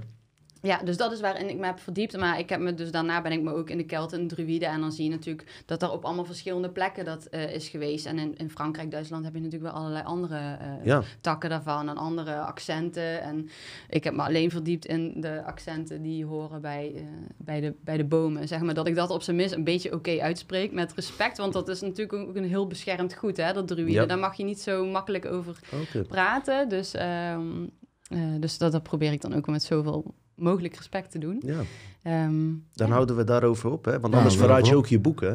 Want, ja, nou eh, ja, anders is- gaan mensen denken van, ik ja. heb alle informatie. Ja, nee, eh, dat is één klein stukje uit het boek. eh, wat Je had een aanbieding voor mensen? Voor Dutch zeker, Matrix zeker, speciaal? Zeker, zeker, ja, voor Dutch Matrix. Eh, als je dus het boek gaat afrekenen op de webshop, dan kan je bij de kortingscode eh, DINO in kapslok 2022 en dan krijg je 20% korting. Helemaal top. En via welke website kunnen ze dat doen? Eh DaniBloomshop.nl DaniBloomshop.nl. Ik zal het in de omschrijving ook bijzetten. Dani, even een vraagje, even buiten je boek om. Hè. Ehm, hoe zie jij je, zeg maar, komend jaar, als je even een idee kan krijgen, verwacht je veel, hoe moet ik dat zeggen, eh, van dit soort dingen die we nu in het begin van het jaar hebben gehad, openbaringen of... eh, Ja, heel veel. Ik denk dat het heel veel gaat komen. Maar ik denk ook wel dat heel veel eh, een beetje geframed gaat worden. Net zoals nu, dat we met z'n allen in die voice duiken... en dat het eigenlijk om heel andere dingen gaat, inderdaad. Want ze zijn ons natuurlijk ook altijd een klein beetje een stapje voor. Dus je moet ook altijd een beetje met een afstandje daarnaar kijken... en met een helikopterview en denken van... oké, maar wat zit hier nou weer Mhm. achter? Dus daarom denk ik dat het heel belangrijk is... dat we bij onszelf constant gaan inchecken. Wat willen we? Want ik heb ook zo lang in die in die weerstand gezeten. En dat ik iedereen op de hoogte wilde brengen. Mijn vrienden. En ja, dit en die en die prik en die doen. En als je dat doet, is niet goed. Maar dan denk ik, ja, ik ben nu eigenlijk gewoon alleen maar mezelf nu aan tegenwerken. Want ik heb er last van. De rest waarschijnlijk niet. Want die denken, ja, laat maar praten. Dus wat, wat wil ik doen? Wat wil ik veranderen? Wat wil ik in deze wereld doen? Ik wil dat het beter gaat. Ja. Dus dan moet ik bij mezelf beginnen. En eh, ja, zo positief mogelijk erin staan. En zoveel mogelijk waarheid naar buiten proberen te brengen. Want dat is natuurlijk ook gewoon ja, de laatste paar honderd jaar helemaal misgegaan. En daarom zeg ik ook van, oké, als je zoiets hebt van, ik moet het opschrijven, schrijf het op. Ik bedoel, ik ben ook geen schrijfster en ik dacht ook, ik maak ook gewoon een boek. Want de, de informatie die in deze tijd naar buiten komt, daar moet zoveel mogelijk voor geschreven worden. Want ja, het is echt heel moeilijk om heel veel boeken te gaan verbranden, weet je. ja, Het internet kan gecensureerd worden, dat staat ook als... ja eh, dat las ik, dat las ik ja, in de ja. eerste twintig. Dus ik spoor echt iedereen aan om dit te doen. Ja, Ik merk het aan je. Ja. Ik, ik, ik merk het dat aan is je het, gevoel. dat is ik het merk het aan je je straling. maken. Ja. Was het maar dat we die straling wel door kunnen zenden in die podcast van jou. Dat was geweldig Nou, dat komt wel goed, hoor. Komt Oké. wel Ja. goed, komt wel goed, zeker. En, Dus, eh, maar ik zie het positief in. Maar het ja. gaat wel niet... eh, het, gaat wel nog moeilijk worden. Ja, het gaat hè? heel moeilijk worden, ja. Wat denk jij, Ersan? Wat, ga, wat verwacht jij allemaal? Ja, ik vind eigenlijk, sorry, ik ga pagina eh, 59 eh, erbij halen. Daar staat in Tell a Vision. Oh ja, Dat is wat onderwerp wat we vaker gaan gebruiken. Dus ehm, ik denk hoe meer druk je achter iets zet, dat de menselijke gewoonte is om het te negeren. Ja, Ehm, dus ik denk dat we het gewoon eh, lekker op mensen af moeten laten komen. En niemand te forceren. We hebben nooit iemand geforceerd om, eh, om de podcast ook te kijken. Eh, weet je, soms gaan wij lekker tegen elkaar ook los. Dus ik heb zoiets van... eh, nee, dat is jammer. Moeten we wel weer hebben. Nee, nee maar, eh, ik vind het prima zo. maar ik denk wel dat er eh, dit jaar de corona overgaat en dat gaat laten zien. Kijk, doordat we die samenleving zo eh, hebben kunnen besturen en zoveel dingen op slot hebben gezet. Ik ben gewoon lekker vaak naar Antwerpen geweest, naar Liège, Luik geweest. Eh, ik, heb, ik ben naar Duitsland geweest. Ik heb me gewoon voornamelijk voor, vermaakt. En ik heb de buitenlandse horeca, sorry, ik ken heel veel horecabedrijven ook in Nederland. Ja, maar ik heb de zeggen. buitenlandse horecabedrijven lekker lopen spekken. Heerlijke biertjes gedronken. eh, lekker gegeten op eh, terrasjes en in restaurantjes. Ik heb mezelf niet zoveel aangetrokken. Maar ze zullen zeggen, ja, doordat we dit hebben gedaan, gaat het nu goed. En dan zullen ze een stukje vrijheid gaan geven. En over een paar jaar zal er een ander symptoom komen of iets komen, waardoor ze weer de macht zullen overnemen. Maar het is wel prachtig dat onze tweede aflevering, die podcast, echt heel veel dingen wat we hebben gezegd, dat we zeiden van uitsmijters zullen zeggen, gaan niet meer op idee op je leeftijd controleren, maar op een vaccinatie controleren. En dat is ook allemaal uitgekomen. En ik denk dat we ook wel echt daar naartoe gaan, naar die richting. ik denk ook gewoon dat nu de horeca, die bijvoorbeeld, dat is dan een van de factoren, die, die zien nu ook heel goed dat steeds meer mensen niet meer in de prikjes trappen. En dat als je, het wordt echt een moeilijk verhaal als jij straks meegaat met eh, de mainstream en je moet zeg maar zelf 6 miljoen mensen gaan weigeren in totaal. Want dat is dus hoeveel mensen En- er dadelijk geen eh, derde, vierde prik gaan nemen. Ja, je gaat toch omvallen. Maar dus je begin- moet beter gewoon eh, nu ongehoorzaam zijn en met z'n allen iedereen binnenlaten. Maar wat ze nu aan het doen zijn, is dus persberichten uitsturen van de WHO. Van ja, prikken heeft geen zin meer. Dat doen ze precies omdat jij wat jij zegt en wat jij ziet en wat jij merkt. En dan wat ze wel zeggen is van ja, we hebben een ander soort van een vaccin nodig. Dus weer tell a vision. Ja, zeker. Dus je Volgens moet mij de heeft, tv eh, uitzetten gewoon. heeft- tv uitzetten. Ja, Hugo heeft zo- sowieso aangekondigd voor komende jaar dat eh, mensen geprikt moeten blijven worden. Maar wat wij ook moeten beseffen, zei ik ook met Daniel vorige keer, is ook een beetje ook eh, onszelf eh, wat meer waardering geven. Doordat we met z'n allen hiermee bezig zijn, is hun plan niet gelukt gewoon, weet je. En ik weet nog dat in de Wereld Draait Door of bij Paul Witteman een keer werd verteld van complotten bestaan niet, want als ze zouden, er, er lekken altijd dingen, weet je wel. Nou, kijk maar bij The Voice hoe lang het heeft geduurd, weet je, voordat dit wordt gelekt. Door angstcultuur, door, door wat dan ook. Dus wie zegt dat het binnen de politiek niet gebeurt? Wie zegt dat het niet op hogere levels gebeurt? Dus ook voor mensen die nu slapen, die al die tijd dachten van wappies dit en dat, die moeten nu ook in kunnen zien dat er wel degelijk een complot kan bestaan. Want dat in The Voice is gewoon een, misschien een wat lichtere vorm van een complot als je vergelijkt met wat wij doen. Maar dat heeft wel lang sta- stand gehouden, weet je. Ja, en precies wanneer de Voice minder kijkcijfers gaat trekken, dan gebeurt er dit, waar de Voice weer veel kijkcijfers gaat trekken zometeen. Ja. maar goed. ja, inderdaad. En heb jij, heb jij nog wat voor ons aan toe te voegen? Ik moet erbij zeggen dat het een superleuk gesprek was. En eh, ik heb zelf geen vragen meer. Maar heb jij nog iets wat je kwijt Nou wil? ja, m- ik had één dingetje nog, want ja, we hebben natuurlijk oplettende kijkers en die gaan er straks helemaal natuurlijk in de bak bloesem duiken. Mhm. Dus ik wil even één disclaimertje geven, want ik heb hier een ehm, biografie van eh Dr. Bach. Mhm. Hoe heet het? Eh, het heet The Medical Discoveries of eh, Edward Bach, a Oké. physician. Want er zijn wel linken met ehm, de masonry. Dus ik wil daar eventjes een stukje over voorlezen. En eh, even gelijk een disclaimertje bij. Ik Want- zeg er ook altijd bij dat ik nooit een vooroordeel heb als iemand maar Freemason toch, is geweest. eh, er- je hebt soms eh tough public. Ja, dus, goed, eh, je bent ik heel goed voorbereid. Doe je stukje- ik- ja. Ik luister aandachtig. Ehm, the wo- dit gaat eigenlijk over eh, de, de tijd waarin hij stopte met voor, ik zeg het gewoon even, Big Pharma werken. En erachter kwam, oké, ik moet een andere kant uit, want dit is niet the way to go. Dit was jaar ongeveer, welk jaar weet je Eh, dat? 1930. Oké. The work still to be done to complete the method of prescribing the seven Bach nosodes. Nou ja, de nosodes, dat hebben we het niet over gehad, maar is niet heel belangrijk. He left in the hands of the doctors who had assisted him the last years. The apparatus of the laboratory and the furniture of his consulting room were quickly sold, and with his money in his pocket he possessed, for every penny he had made been spent on his research work, he left London early in the morning, May 1930. After saying goodbye to his friends and, hardest of all to him, the members of the Masonic lodges to which he belonged, he set out on his great adventure without one backward thought of regret for the wealth and fame he was leaving, and traveled to the heart of Wales, where he hoped to find and prepare remedies for the simple flowers of the field. Dus hier zegt hij ook echt goodbye tegen dat hele gebeuren. Want ja, als jij in deze tijd als meest vooruitstrevende persoon op het gebied van vaccinaties en de medische wereld, ja, dan moet je er natuurlijk wel van uitgaan dat iemand wat macht zou kunnen hebben en met bepaalde mensen omgaat. En dit vond ik wel een heel mooi stukje wat echt laat zien van oké, hij heeft daar afstand van gedaan. En later heb je ook nog allemaal ehm, verwijzingen naar brieven die hij krijgt van de eh, Medical Council. Dat hij allemaal verwijderd gaat worden natuurlijk Mhm. uit dat eh, register. Omdat hij homeopathie eh, promoot. Dus dat wil, wil ik even nog gezegd Maar dat hebben. hoor je nu ook terug natuurlijk, hè? Artsen die eh, gedreigd worden met een ja, andere mening zeker. uitgezet. Dus daarom dat ik Mooi, dacht, man. dit moet ik Ja. even... Scherp. Want anders krijg je straks allemaal comments eronder van... Ja, nee, hij was ook een... eh, Ja, Trek je niks van de comments aan. en nou, dat Ja. kunnen wij eh, wel weten hoor. Ja. En eh, hoe heet het? Eh, het is eigenlijk een soort van Nikola Tesla van de, van de farma-industrie. Absoluut. Weet je? ja, Dus eh, ik ken hem niet, maar hoe Ja. jij het brengt. Ik vind het ook scherp hoeveel aantekeningen je hebt gemaakt. En dat je echt je best hebt gedaan om eh, Ja. informatie over te brengen. Daar heb ik ook echt diep respect voor. Leuk, leuk, Dankjewel. leuk, heb Ja, je eh, nog- nog iets verder toe te Ehm, voegen? nee, dat, dat, dat was hem eigenlijk. eh, nee, dat was hem wel. Oké, en misschien dat je Ja. nog even je, Insta je, je gegevens, hoe ze je kunnen vinden. Dus Instagram is eh, Dani. Ja, Dani Bloem. Dus Yes. D-A-N-I. Ik zal het doorheen plakken, Ja, kunnen ze ook eh, voorzien. En Omschrijving, op. .nl inderdaad. Ja, je kan naar de website gaan, maar dat, dat, ja, dat, daar staat niet veel meer op. Ik denk dat je meer gaat zien eh, op mijn Insta ook. Als dat je verder wil eh, zien hoe mijn onderzoek gaat. eh, in combinatie met dat eh, Keltische gebeuren. Daar ga ik echt nog helemaal op uitbouwen. Mooi man. Dat we echt met iets nieuws kunnen komen voor deze tijd. Ehm, ja, dus, Je had iets, ja, toegevoegde waarde, vond ik zelf. Wat vond je er zelf van? Ik vond het heel leuk Ja? om te doen. Ja, ik vond het heel leuk. Ik vond het heel spannend wel. Ja, Want ja, dus jullie zijn voor mij echt eh, gewoon het tv-programma waar ik lekker met mijn wijntje, weet je wel, naar ga kijken. Dus het was echt een, een hele eer. Echt ontzettend. super.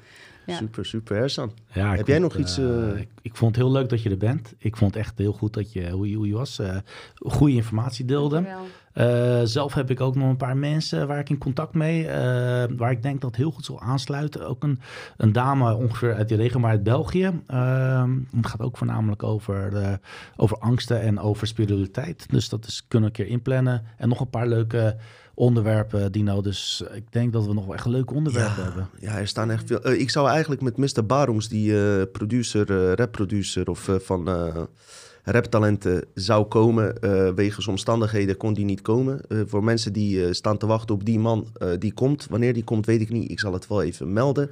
Nogmaals, het kan zijn dat we, dat we soms eens in de twee weken uitzenden wegens drukte. Schrijven van mijn boek. Ersan is bezig, Simon ook met allerlei dingen. Maar weet je wat ik wel vind? Dat je niet geforceerd moet opnemen, weet je? Ja. Dus eh, als je het heel druk hebt en dan moet opnemen omdat het moet, waar we het net over hadden, Mhm, ja. kreeg je wel een aflevering, maar niet uit het hart, weet je. Er zit niet die energie achter. Dus het is dan echt beter dat we gewoon afleveringen overslaan en gewoon eh, relevant blijven, in plaats van eh, maar te blijven droppen, toch? Klopt. Ik, ik, volgens mij had jij nog iets over je boeken. Iets had je meegenomen? Of... Oh ja, ik heb er sowieso twee bij. Oh ja, Eh, en die mag zo je, scherp. of bij me moet je zeggen. Die Limburgers ook altijd. Ja. Eh, en dan mag je er twee sowieso al weggeven. Nou, eh, Ja. wat we dan doen, eh, dat laat ik helemaal aan Ersan over via Telegram groep, want dat zijn onze hardcore eh, supporters. Ja, Door hun groeien we ook. Ehm, dus ik ga het koppelen aan Ersan. Is Ja. dat een idee? Dat is een goed, goed plan. Zeg maar hoe je het wil aanpakken dan. Eh, mensen die kunnen, als je soms zie ik nog, hoe kom je in een Telegram groep? Je kan mijn bericht sturen als apenstaartje is van mij. Dat, als je dus een Telegram hebt en je gaat naar apenstaartje is van mij, dan komt mij uit. Maar je kan ook gewoon zoeken naar de Dutch Matrix Channel of apenstaartje Dutch, Dutch Matrix Channel aan elkaar. En dan kom je automatisch in de eh, Telegram groep en dan... eh, Soms duurt het even, hè? Dat Soms mensen- duurt het even, Maar maar, je nu, wordt niet, nu staat het gewoon open. We zijn over de duizend leden. Over ja, het de is duizend. ontzettend gezellig daar. Dit is, Ja. Oh, leuk, je zit erin. Ja, oh, wat zeker. leuk. Absoluut, wat, al had heel niet Oh, Ja. echt tof, tof, tof, tof. Eh, ik post daar heel, heel weinig. Ik laat voornamelijk mensen heel vaak eh, uitpraten. Ik ben nog steeds heb ik mijn eigen mening. Ik ben vaak kritisch en rationeler. Maar ehm, ehm, eh, we gaan iets leuks verzinnen. Jij hebt mij op Telegram. Ja. Dus we gaan het eh, leuk... eh, Ja. Mensen kunnen zich aanmelden voor het boek. Ik vond het super. Ik ben echt super tevreden over deze aflevering. Leuk dat, jij, dat het jou ook bevallen is. Je Ja. ziet dat we dezelfde personen zijn als de camera aan en uitstaan. En eh, eh, ja, we proberen er altijd het beste van te maken. En eh, fijn dat, eh, dat je er was. Ja, Ja, ik vond het echt heel leuk. en eh, wie weet in de toekomst, Ja, als je weer iets nieuws schrijft, nieuwe informatie, kunnen we altijd nog Ja. even kijken. Mensen, super bedankt voor het kijken. En ehm, het kan dus zijn dat, we, dat de volgende keer, aflevering over twee weken komt. Ik verwacht zo na de zomer dat we dan weer echt volle bak gaan knallen. Ik heb nog zoveel nieuwe informatie die ik nog niet heb gedeeld. Dat komt nog, rustig aan. Ik wil nu ook wat meer andere mensen laten praten. Groepen met elkaar ook een beetje laten verbinden. Dat ik niet constant met eh, degene ben met onderwerpen. Nogmaals, ik ga ook niemand meer aankondigen, want eh, soms gaan dingen op het laatste moment niet door. Er staat nogal wat op de planning en eh, jullie zien ons zeker gauw verschijnen. Groetjes.